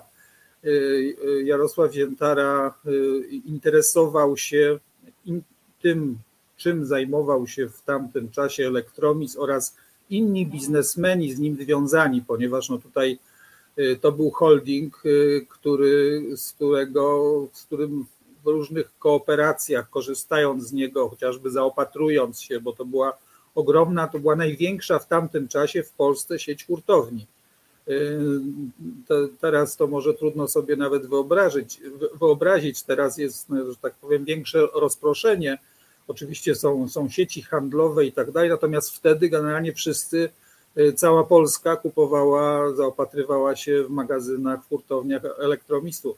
I, I ta firma y, prowadziła tą legalną działalność jak najbardziej, ale oprócz tego prowadziła działalność, która była albo na granicy prawa, albo też łamała prawo, czego, czego, czego owoce potem można było obserwować, była przecież słynna, słynne państwo Elektromis kilka lat po zabójstwie Jarosława Ziętary, artykuł e, dziennikarzy Gazety Wyborczej, który ujawnił właśnie jak, ta, jak Elektromis działa, że jest no właśnie państwo ten ty, tytułowe, że oni działają jak państwo w państwie, że właściwie nie, nie liczą się e, z funkcjonowaniem organów państwa i wykazali wiele różnego rodzaju nieprawidłowości, czego skutkiem był proces trwający wiele lat. Y, częściowo doszło wtedy do umorzenia, częściowo zmieniły się przepisy po drodze. No, generalnie tylko kilku ludzi poniosło jakąś niewielką odpowiedzialność, natomiast niewątpliwie y, te interesy w tamtym czasie elektromisu, gdy Jarosław Ziętara się tym zajmował, no one y, miały związki z, związki z przemytem, z przekrętami celnymi, podatkowymi na ogromną skalę i Jarosław Ziętara tym się interesował. Y, I, i gdyby, gdyby nie, gdyby, no, cała zbrodnia wiąza, wiązała się z tym i stąd jest to według ustaleń prokuratury zaangażowanie pracowników właśnie, ochroniarzy, ludzi wyspecjalizowanych, jak i także innych, którzy mieli mieć właśnie związek z samą zbrodnią. I tutaj oskarżony, próbując, no, znaczy no, przedstawiając y, Elektromiz jako firmę, która idealnie działała, w niej po prostu nie popełniano, no nie tylko nie popełniano przestępstw, ale ona, no, wszystko tam było wspaniale zorganizowane, wszystko wspaniale funkcjonowało, no to, że tak powiem, no, tworzy, tworzy wizerunek czegoś, y, no, teraz już tego nie można zweryfikować, prawda, ten holding nie istnieje już od, od wielu lat, natomiast tworzy wizerunek no, jakiś idylliczny właśnie y, firmy, która, która, która, była, która była po jasnej stronie, a tymczasem dla nas szczególnie, ja jestem z Wielkopolski, z Poznania, no to tutaj no, my żyliśmy w cieniu właśnie elektromisów. No, mówiono na mieście, to było no, po prostu normalne sformułowanie, że no, tutaj rządzi elektromizm, ludzie stamtąd rozgrywają sprawy w różnego rodzaju sferach, prawda? Więc, więc tutaj to, co on tutaj twierdził, że to wszystko było wspaniale, idealnie i tak dalej, no, no, tworzy, tworzy no taki wizerunek, który ma go usprawiedliwiać, znaczy ma, ma, ma odsuwać wszelkie, y, wszelkie zarzuty, wszelkie podejrzenia, wszystkie oskarżenia. No mówię, no korzysta z prawa, z prawa obrony, natomiast. Nie, no, oczywiście, no, oczywiście, ale, ale to jest pytanie. Ale... To, wzbudzało to śmiech, że to, znaczy, znaczy uśmiech u wielu ludzi na sali, gdy on te rzeczy opowiadał takie o tym wspaniałym, e, cudownym elektromisie. Ale to jest niesamowite, ja nie mogę tego nie powiedzieć, bo po prostu tak mnie bije po oczach aż, jak to czytam. Drodzy Państwo, ja robiłem um, kiedyś duże śledztwo dotyczące problemów, jakie mieli ajenci sklepów e, Żabka. E, I wtedy kontaktowałem się z ludźmi, którzy prowadzili te małe żabki przez lata. Oni kończyli bardzo źle. Długo by opowiadać o tym. To naprawdę jest materiał na film, który mógłby podbić bardzo wiele mm, kin, moim zdaniem, ale generalnie na własne oczy widziałem te logo sympatycznego płaza, czy żabki jeszcze z logiem Elektromisu, znaczy z, kiedy jeszcze się nazywało Elektromisem. E, I muszę się tym podzielić też także z Panem, Panie Krzysztofie, że mm, kiedy Żabka próbowała się mm, tłumaczyć z zarzutów, które formułowali mm, ajenci poszkodowani przez nich, niektórzy wygrali nawet w sądach, co jest dość istotne, to e, Żabka ściągnęła kilkanaście osób, które najpierw wystąpiły w wielkopowierzchniowej reklamie, że żabka jest super i że to jest pomówienie i w ogóle jakaś tam akcja, która ma na celu zniszczyć firmę. A na konferencji, którą zorganizowano nie byle jakim hotelu, bo w Westinie, pojawiły się te osoby na żywo i oni byli no nie wiem, szczerze mówiąc, wyglądali jakby wyszli prosto z sekty i znałem parę takich, rozmawiałem z paroma osobami, które mówiły mi, że na przykład szkolenia, które przychodzili w Żabce, to były najpiękniejsze momenty ich życia, że oni wszystko by oddali, żeby znowu się znaleźć w Żabim Grodzie prowadzonym przez bardzo dziwnych jegomości. To była taka, e, trudno to sobie wyobrazić, ale to była taka osada za palami w lesie, bez zasięgu komórek i wiele dziwnych rzeczy się tam działo. Skąd taka troska mm, Pana zdaniem mm, oskarżonego o dobro elektromisu i w jaki sposób Pan obserwuje w ogóle no, transformację przedsięwzięć, które kiedyś rozpoczynał Mariusz Eś jako elektromis?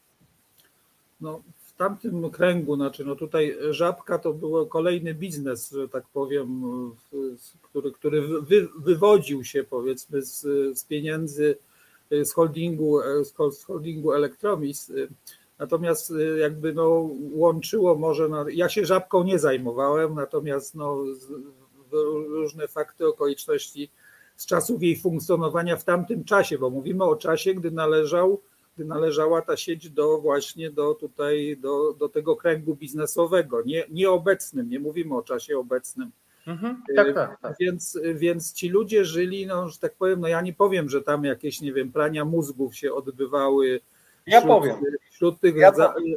no, no, no to tak, natomiast. Ja mówię tym... z pełną odpowiedzialnością, pisałem o tym teksty, rozmawiałem z psychologami, znaczy to, co ja odkryłem w rozmowach z tymi ludźmi z Żabki, to po prostu nie chciało mi się wierzyć i dopóki nie oglądałem filmów niektórych z tych szkoleń, to, ale to na osobną rozmowę. Natomiast specjalnie potem po latach pojechałem nawet do Żabiego Grodu, żeby zobaczyć, jak to wygląda na żywo.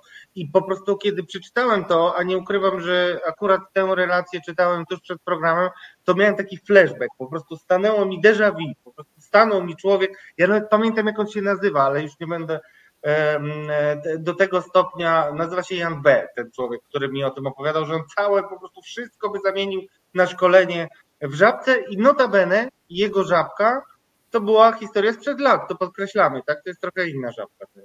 Ale ta jego żabka potem oczywiście została zamknięta jak wiele set innych, które zamykały swoje drzwi. Ale właśnie dlatego się zastanawiam. Mhm. Tak, tak, znaczy, znaczy y, y, to, to, to co doty, dotyczyło prowadzących żabkę, żabki, tych ajentów, czy tam nie wiem jak oni się tam nazywali, Ajenty, tak.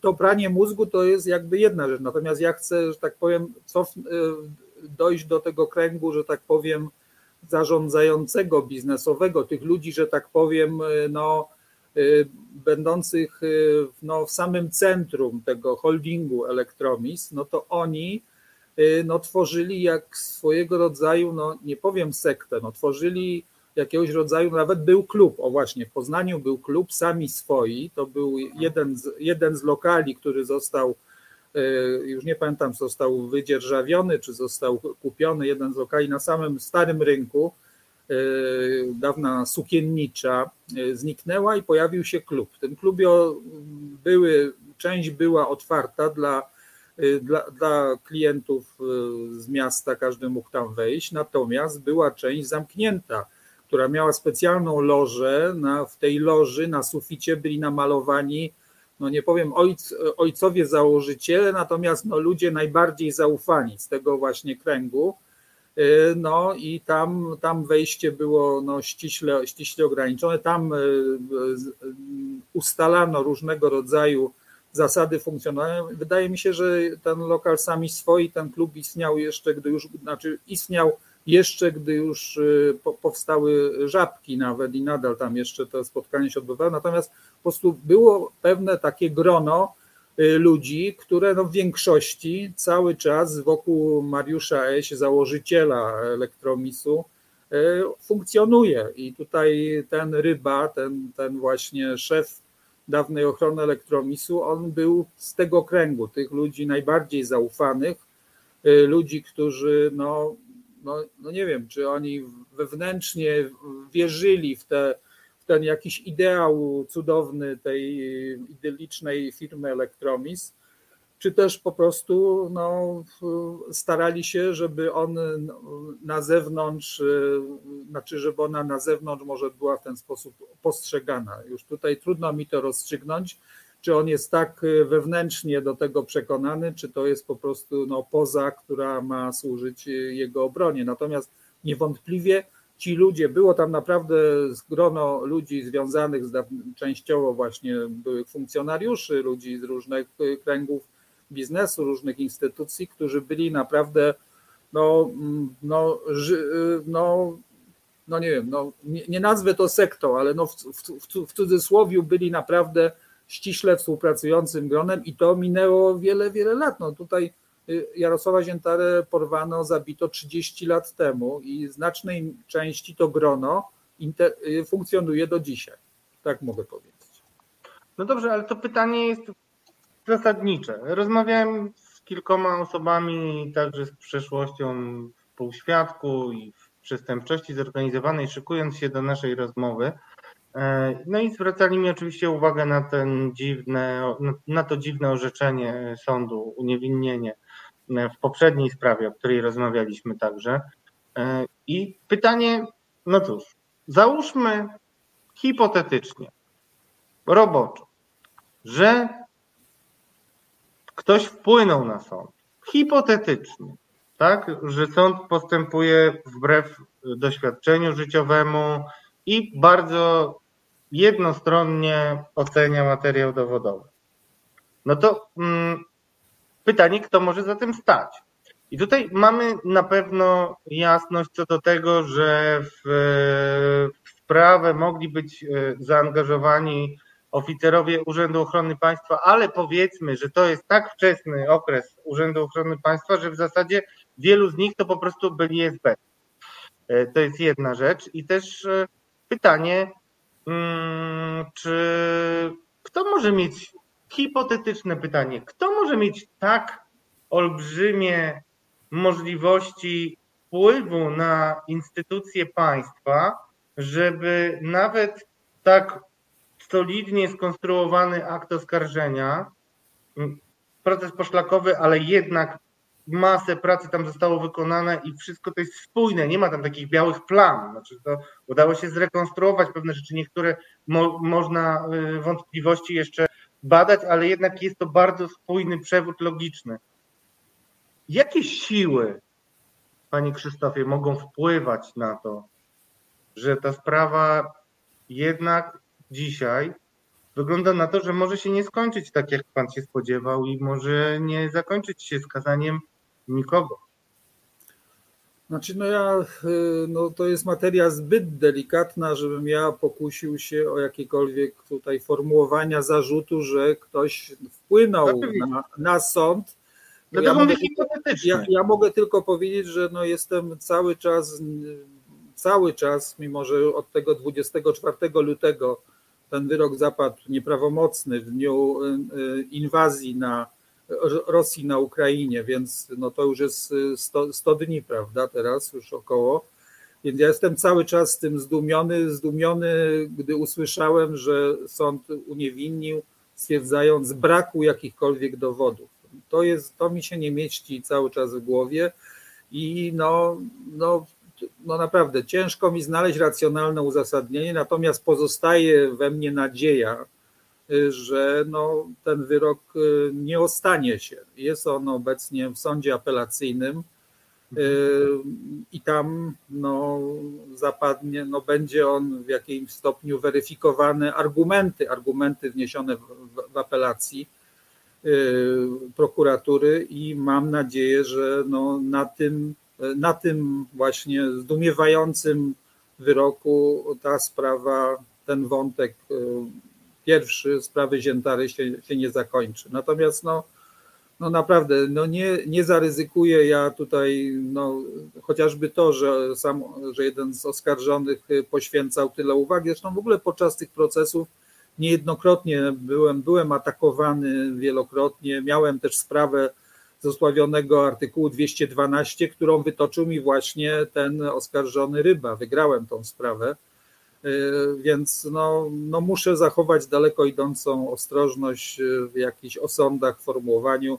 Liczę cały czas y, na, na, na, na sprawiedliwość sądową w sprawie Ziętary. Mam cały czas jeszcze, jeszcze taką nadzieję. Tyle mogę powiedzieć. My jesteśmy bardzo bezkompromisowym medium, ale zaręczam Państwu, że skoro pan Krzysztof waży słowa, to robi to odpowiedzialnie. I wcale nie, nie szukamy tutaj taniej sensacji i tam jakichś e, e, krzyczących nagłówków, ale panie Krzysztofie, chciałem jeszcze wyjaśnić jedną rzecz, bo jest dla mnie dość zaskakujące e, takie mm, no mm, rozejście się trochę wątków śledczych, bym powiedział, czy też pojawienie się nowych, mm, nowych, stosunkowo nowych, no pan jest najpierwszym, najpierwszym Pan jest pierwszym dziennikarzem, który się tym zajmował i zajmuje do dziś. Ale po latach oczywiście pojawiały się różne takie grupki, mniej i bardziej zainteresowanych tematem dziennikarzy. I ostatnio e, triumfy, przynajmniej jeśli chodzi o, o internet, święciło śledztwo, które przygotował innymi e, TVN i dziennikarz e, współpracujący z Onetem, czy pracujący z Onetem. Na czym polega ten rozdźwięk? Niech pan opowie, bo moim zdaniem jednak należy y, spytać tej osoby, która jest trochę dłużej. Y, I ja mam wrażenie, że w ogóle pominięto wiele rzeczy, które, o których też my rozmawialiśmy, ale o których pan pisał przez lata. Tu pan mógł nam powiedzieć, skąd to się mogło wziąć i na czym polega różnica w podejściu do, no chyba trzeba powiedzieć to wprost, do niektórych światów znaczy ja na początku sprostuję tylko, że nie jestem jedynym dziennikarzem, który się zajmował, tak. no przed laty, te 30 lat temu, no właśnie było całe grono tutaj poznańskich dziennikarzy, które próbowaliśmy, była nasza grupa śledcza, y, która próbowała tą sprawę wtedy, wtedy wyjaśnić, zmusić organy ścigania do, do, do należytego zajmowania się sprawą Ziętary. Natomiast no ja przez powiedzmy lata nie odpuściłem i zajmowałem się tym nadal. Natomiast jaka jest różnica? No ja tutaj no nie chcę, że tak powiem, no personalnie kogoś atakować, natomiast e, no, różnica jest w podejściu do sprawy Ziętary. No, dla mnie ta sprawa to jest, to jest nie, nie jakiś jeden z wielu tematów dziennikarskich, którym się zajmowałem w życiu, zajmowałem się setkoma czy tysiącami, no z czego jakimiś tam powiedzmy poważniejszymi, no to nie wiem, kilkudziesięcioma, takimi, które niejednokrotnie prowadziłem przez lata, y, to, to dla mnie to nie jest jedna z jakichś tam sprawie, dla mnie to jest najważniejsza, muszę powiedzieć, życiowo sprawa, sprawa dziennikarska i zarazem sprawa też osobista, ponieważ ja Jarka Ziętarę znałem, był moim kolegą redakcyjnym i po prostu z tego względu y, no tutaj te, te, te dwie rzeczy się po, powiązały, moje no, dziennikarskie starania i moje jakieś osobiste poczucie, że ja muszę zrobić wszystko, żeby sprawę mojego kolegi wyjaśnić. I, i, I to była no, sprawa, która powodowała, że ja niejednokrotnie podejmowałem wybory zawodowe niekorzystne dla mnie, ponieważ no, na przykład miałem jakąś wiedzę o sprawie Ziętary, y, czasem jako pierwszy albo w gronie y, y, byłem ludzi, którzy tą wiedzę posiadali, ja jej nie, nie, nie zdradzałem, nie ujawniałem. Czasami, no, że tak powiem, przegrywałem na polu newsowym, ponieważ tak. no, jakby na przykład śledzić tutaj y, to krakowskie śledztwo sprzed lat i tak dalej, no to generalnie inne media o czymś informowały, potem ja, bo ja nie chciałem przeszkodzić w tej sprawie. Nie chciałem nigdy w tym śledztwie, y, gdy ono wiedziałem, że, że jest prowadzone wreszcie, wreszcie y, porządnie, że jest prowadzone tak, żeby wyjaśnić te okoliczności. Mówię o tym ostatnim krakowskim śledztwie, które zaowocowało tymi sprawami sądowymi, no to ja nie chciałem w tym przeszkadzać i po prostu, no, przepraszam bardzo, muszę łyknąć. Tak, tak, tak, oczywiście. Ryzykowa ryzykowałem, że tak powiem, no, y, to, że, że, że nie byłem pierwszy w informowaniu o czymś, Natomiast ci koledzy, y, którzy no, zajęli się sprawą Ziętary, no, oni generalnie nie mają do niej żadnego osobistego stosunku. Y, no, nie jest to dla nich, no, znaczy jest to dla nich jeden z wielu tematów. Mówią o Jarku, wprawdzie Jarek właśnie, żeby no powiedzmy no przedstawiać tak, natomiast nie byli ani jego kolegami, znajomymi i, nie był on, i nie miał on dla nich i sprawa Ziętary przez całe wiele lat nie miała dla nich jakiegokolwiek znaczenia. Ci ludzie e, nie brali udziału w staraniach o doprowadzenie do, do, do tego śledztwa. E, tutaj, zanim do niego doszło, do tego krakowskiego śledztwa, przez kilka lat intensywnie były różnego rodzaju działania prowadzone na szczeblu wielkopolskim, ogólnopolskim. Były konferencje, działania w Warszawie, wiele różnych działań na szczeblu centralnym z, z zaangażowaniem parlamentarzystów, senatorów, no między innymi na przykład byłego premiera Buzka, wtedy przewodniczącego Parlamentu Europejskiego.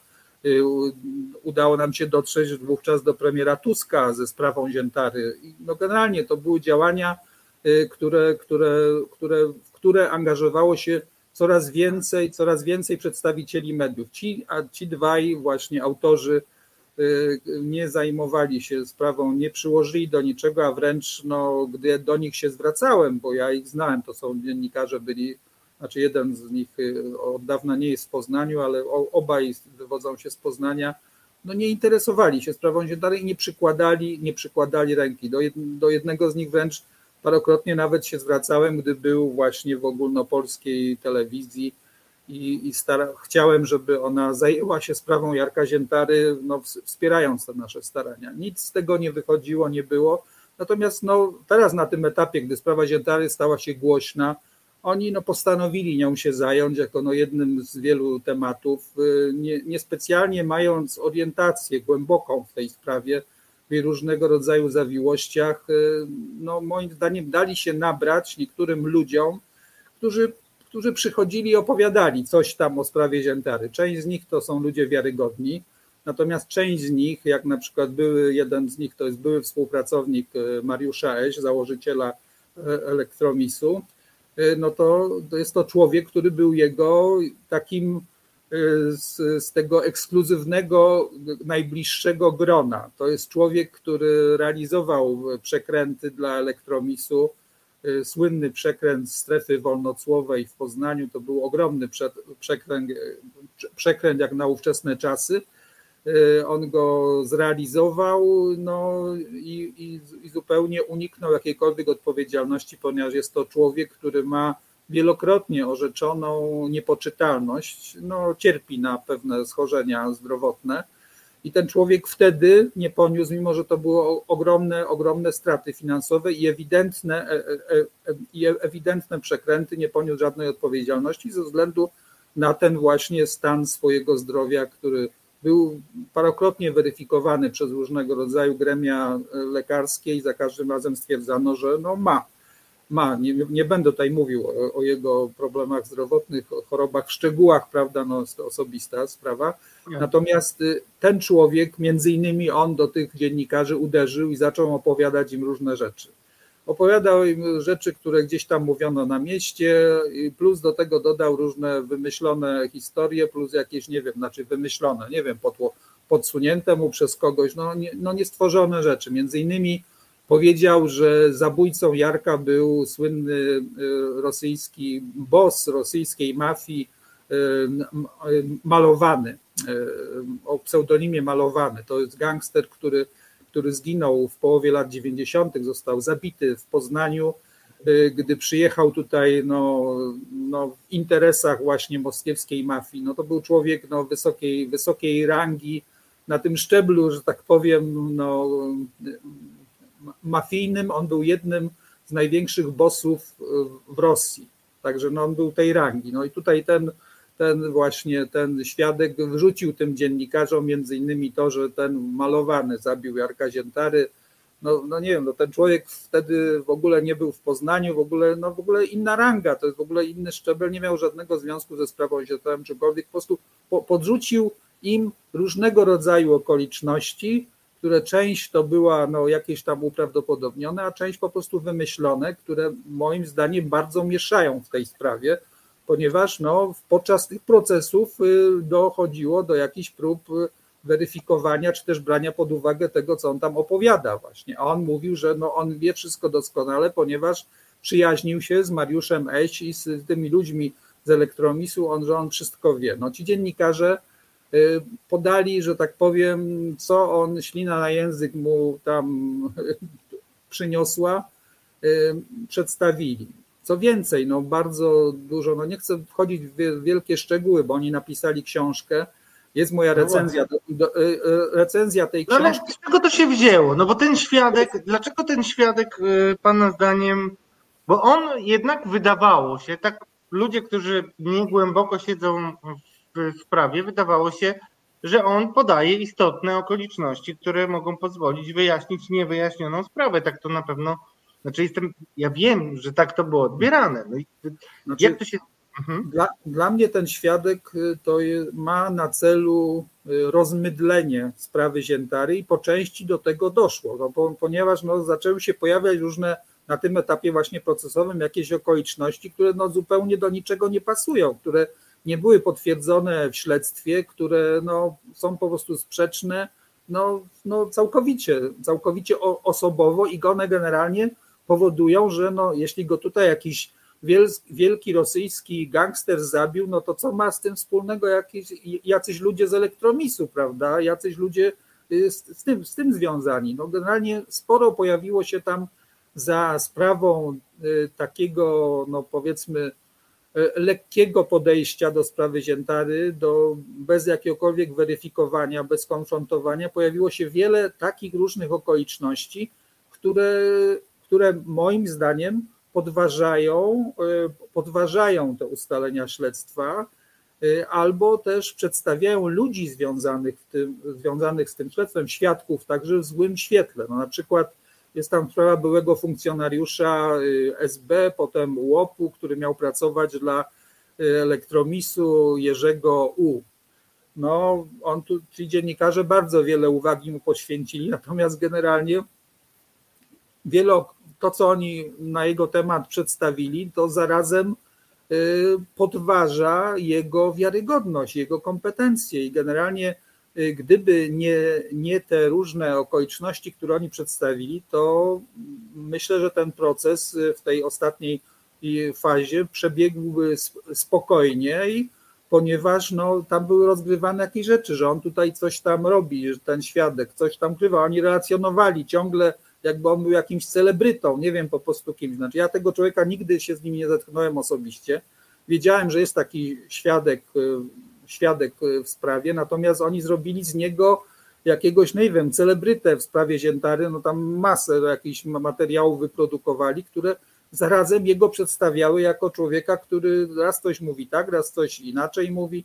No nie wiem, po prostu, no moim zdaniem podejście tych kolegów dziennikarzy, obu ich znam, e, no dla mnie było, jest po prostu pozbawione jakiejś odpowiedzialności, e, jakiejkolwiek, nie wiem, chęci przysłużenia się wyjaśnieniu tej zbrodni. No ja to tak to mogę tylko nie używając no, brzydkich to, słów. Nie, nie, to, to, to okej, okay, czasami, okay. znaczy nie, nie, nie zarzucając żadnych intencji.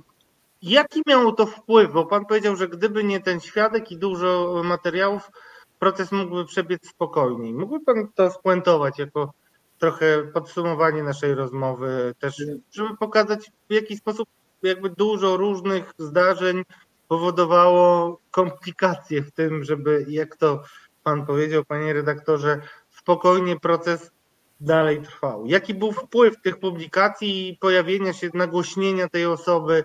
Jak to się pana zdaniem oczywiście, każdy ma prawo do swojego zdania, ale mi zależy na państwu. No, no ja właśnie uważam, że doszło w pewnym stopniu do rozmydlenia, do stworzenia różnego rodzaju wątpliwości, bo tutaj y, chcę podkreślić, że cała narracja oskarżonych, zarówno Aleksandra G., tego nieprawomocnie uniewinnionego, jak byłego tych, senatora, najbogatszego Polaka. Właśnie, tak, jak, i tych, jak i tych byłych ochroniarzy. Ich narracja jest taka, że Jarosław Ziętara y, nie wiadomo, czy nie żyje, gdzieś tam zaginął, nie wiadomo, co tam się stało i tak dalej. Y, I że to jest sprawa no w ogóle no, jakieś bardzo wątpliwa, cokolwiek. I te wszystkie podsuwanie, że tak powiem, za sprawą tej no, no, działalności tych, tych y, kolegów wątpliwości różnego rodzaju posłużyło właśnie jako paliwo. Tutaj no, y, sam podczas procesu Aleksandra G. było, że raz to raz mówią, że ten go zabił, Ziętarę, raz ten, a teraz, że malowany go zabił. No po prostu no, na, nastąpiło takie, no mówię, rozmydlenie po części tej, tej sprawy y, y, i zarazem też no, wątpliwości co do wiarygodności tych niektórych świadków, przynajmniej na przykład tego Jerzego, Jerzego U, który no, z samych materiałów śledztwa no, raczej wyglądał na wiarygodnego świadka, a, a tutaj jakieś historie, bo on tam mi opowiada o jakiejś próbie napadu na mieszkanie, jego nie wiadomo, czy dotyczyło to sprawy Ziętary, czy czegoś, no opowiadał, że coś tam ma jakieś materiały, potem było, że ich nie ma. No mówię, no po prostu spowodowało to to, że, mo, że można było, no nie wiem, no, czy sędziowie brali to pod uwagę, ale mogli to wziąć pod uwagę i stwierdzić, że no coś tutaj jest, no nie wiem, coś jest, y, coś w tej sprawie nie, nie pasuje. No ja muszę powiedzieć tak, trzy lata temu, gdy właśnie gdy te, gdy te ich publikacje się pojawiły, dwa, trzy lata temu, E, no, napisałem nawet artykuł e, do jednego medium i w której przedstawiłem nawet scenariusz, jak mogą te rzeczy wpłynąć negatywnie na sprawę Ziętary. Ten artykuł nie został opublikowany. Ten no, redaktor naczelny tego mediów, tego medium, gdy to przeczytał, stwierdził, że no, byłoby to no, za bardzo, tutaj no, może no, nie, nie wypada, oni przecież na pewno mają dobre intencje. Natomiast generalnie no, przedstawiłem taki scenariusz, jaki się zrealizował. To wpłynęło to na, no mówię, dało argumentację do, do, do, do, do stawiania wątpliwości w sprawie Ziętary, do, do podważenia wiarygodności świadków, do zarazem jakiegoś no, zamieszania w całym tym materiale y, y, faktograficznym, no bo zarazem ten jeszcze ten człowiek z tą, z tą stwierdzoną niepoczytalnością, no to on tam podał w ogóle, że Jarek Ziętara nie interesował się interesami elektromisu, tylko właśnie tym jego przekrętem. Y, tym przekrętem, który to był przekręt z papierosami, dawno wyjaśniony, opisany wtedy przez media, no nie było żadnego jakby powodu, żeby y, w ogóle myśleć, że ktoś miałby jakiegokolwiek dziennikarza zabić y, za to, ponieważ ten, ten przekręt tego właśnie pana z niepoczytalnością, on był przed 30 laty, on był wtedy na na czołówkach gazet tutaj w mediach wielkopolskich. Sam o nim na, wówczas jeszcze sam się tym zajmowałem, także nie było żadnego powodu. On stwierdził, że to była motywacja, że, że chciano tutaj, że Ziętara interesował się tym jego przekrętem i że go zabito za to. No więc mówię, było masę, masę takich właśnie może, może drobnych rzeczy, ale wprowadzających takie zamieszanie, które mogły spowodować, że no w tej sprawie no tak do, no do końca coś wiadomo, czegoś nie wiadomo. No moim zdaniem y, mogło to, znaczy na pewno miało to negatywny, negatywny wpływ, nie wiem w jakim stopniu, y, natomiast z pewnością, z pewnością tak to wyglądało. No i poza tym razem z tą ich narracją zaczęto odsuwać, znaczy oni, ci, ci autorzy zaczęli odsuwać inne argumenty, no między innymi y, całkowicie pomijać mnie. jak oni się zajęli sprawą, nigdy nie pozwolili mi zabrać w ich materiałach głosu w sprawie Ziętary, mimo że ja, mimo że zajmowali się ludźmi, okolicznościami, którym ja dziennikarsko zajmowałem się wiele lat. Między innymi w sprawie tego właśnie pana z niepoczytalnością są moje publikacje, nawet je zamieściłem w internecie na jego temat, na temat jego spraw. Nigdy nie dano mi prawa głosu, żebym czasem nie powiedział czegoś, co by no, nie pasowało do, do, do, tych, do tych właśnie rzeczy, które oni przedstawiają. No ale nie chcę już wchodzić bardziej, bardziej w szczegóły. No właśnie, ale każdy może, myślę, z naszych widzów i widzek um, odpowiedzieć sobie na pytanie, dlaczego tak jest, że skoro się przygotowuje materiał, co do którego ma się pełne przekonanie i tak dalej, to nie dopuszcza się do głosu e, osoby, która no, niewątpliwie ma olbrzymią wiedzę na ten temat i może coś wnieść. Niech każdy z Państwa sobie na to odpowie. Dzisiaj naszym gościem e, był e, Krzysztof Kaźmierczak. Bardzo Panu dziękuję za wizytę. Myślę, że jeszcze będziemy musieli wrócić, bo wiele wątków i drodzy Państwo, we wrześniu będzie kolejna rozprawa, jedna z ostatnich. Warto, żeby Państwo się tym interesowali, czytali teksty, bo to też na to zwracają uwagę wydawcy.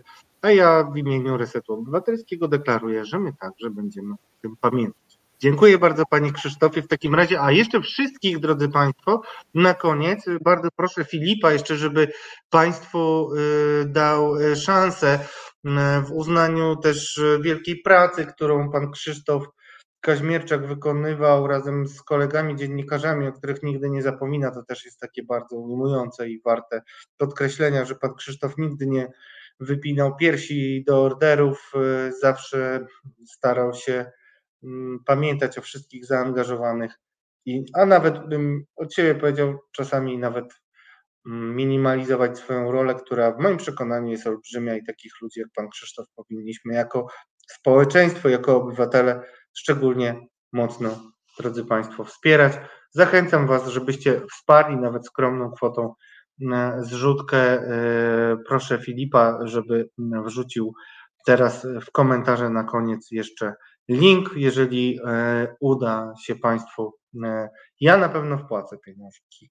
Nienawidzę słowa pieniążki, ale więc na pewno dorzucę się do tej tablicy i wszystkich Was zachęcam. Drodzy Państwo, to było Katarzis. Za chwilę miejsca nienumerowane. Moi młodsi, wspaniali koledzy przejmują stery w resecie, a ja zapraszam na jutrzejsze Bez Wyjścia gdzie jednym z naszych mm, gości będzie niespodzianka. Dobrej nocy, drodzy Państwo, a gościem w miejscach nienumerowanych będzie Wojciech Diduszko, dyrektor konkursu polskiego i programer festiwalu Millennium Dogs Against Gravity. Do zobaczenia. Reset Obywatelski.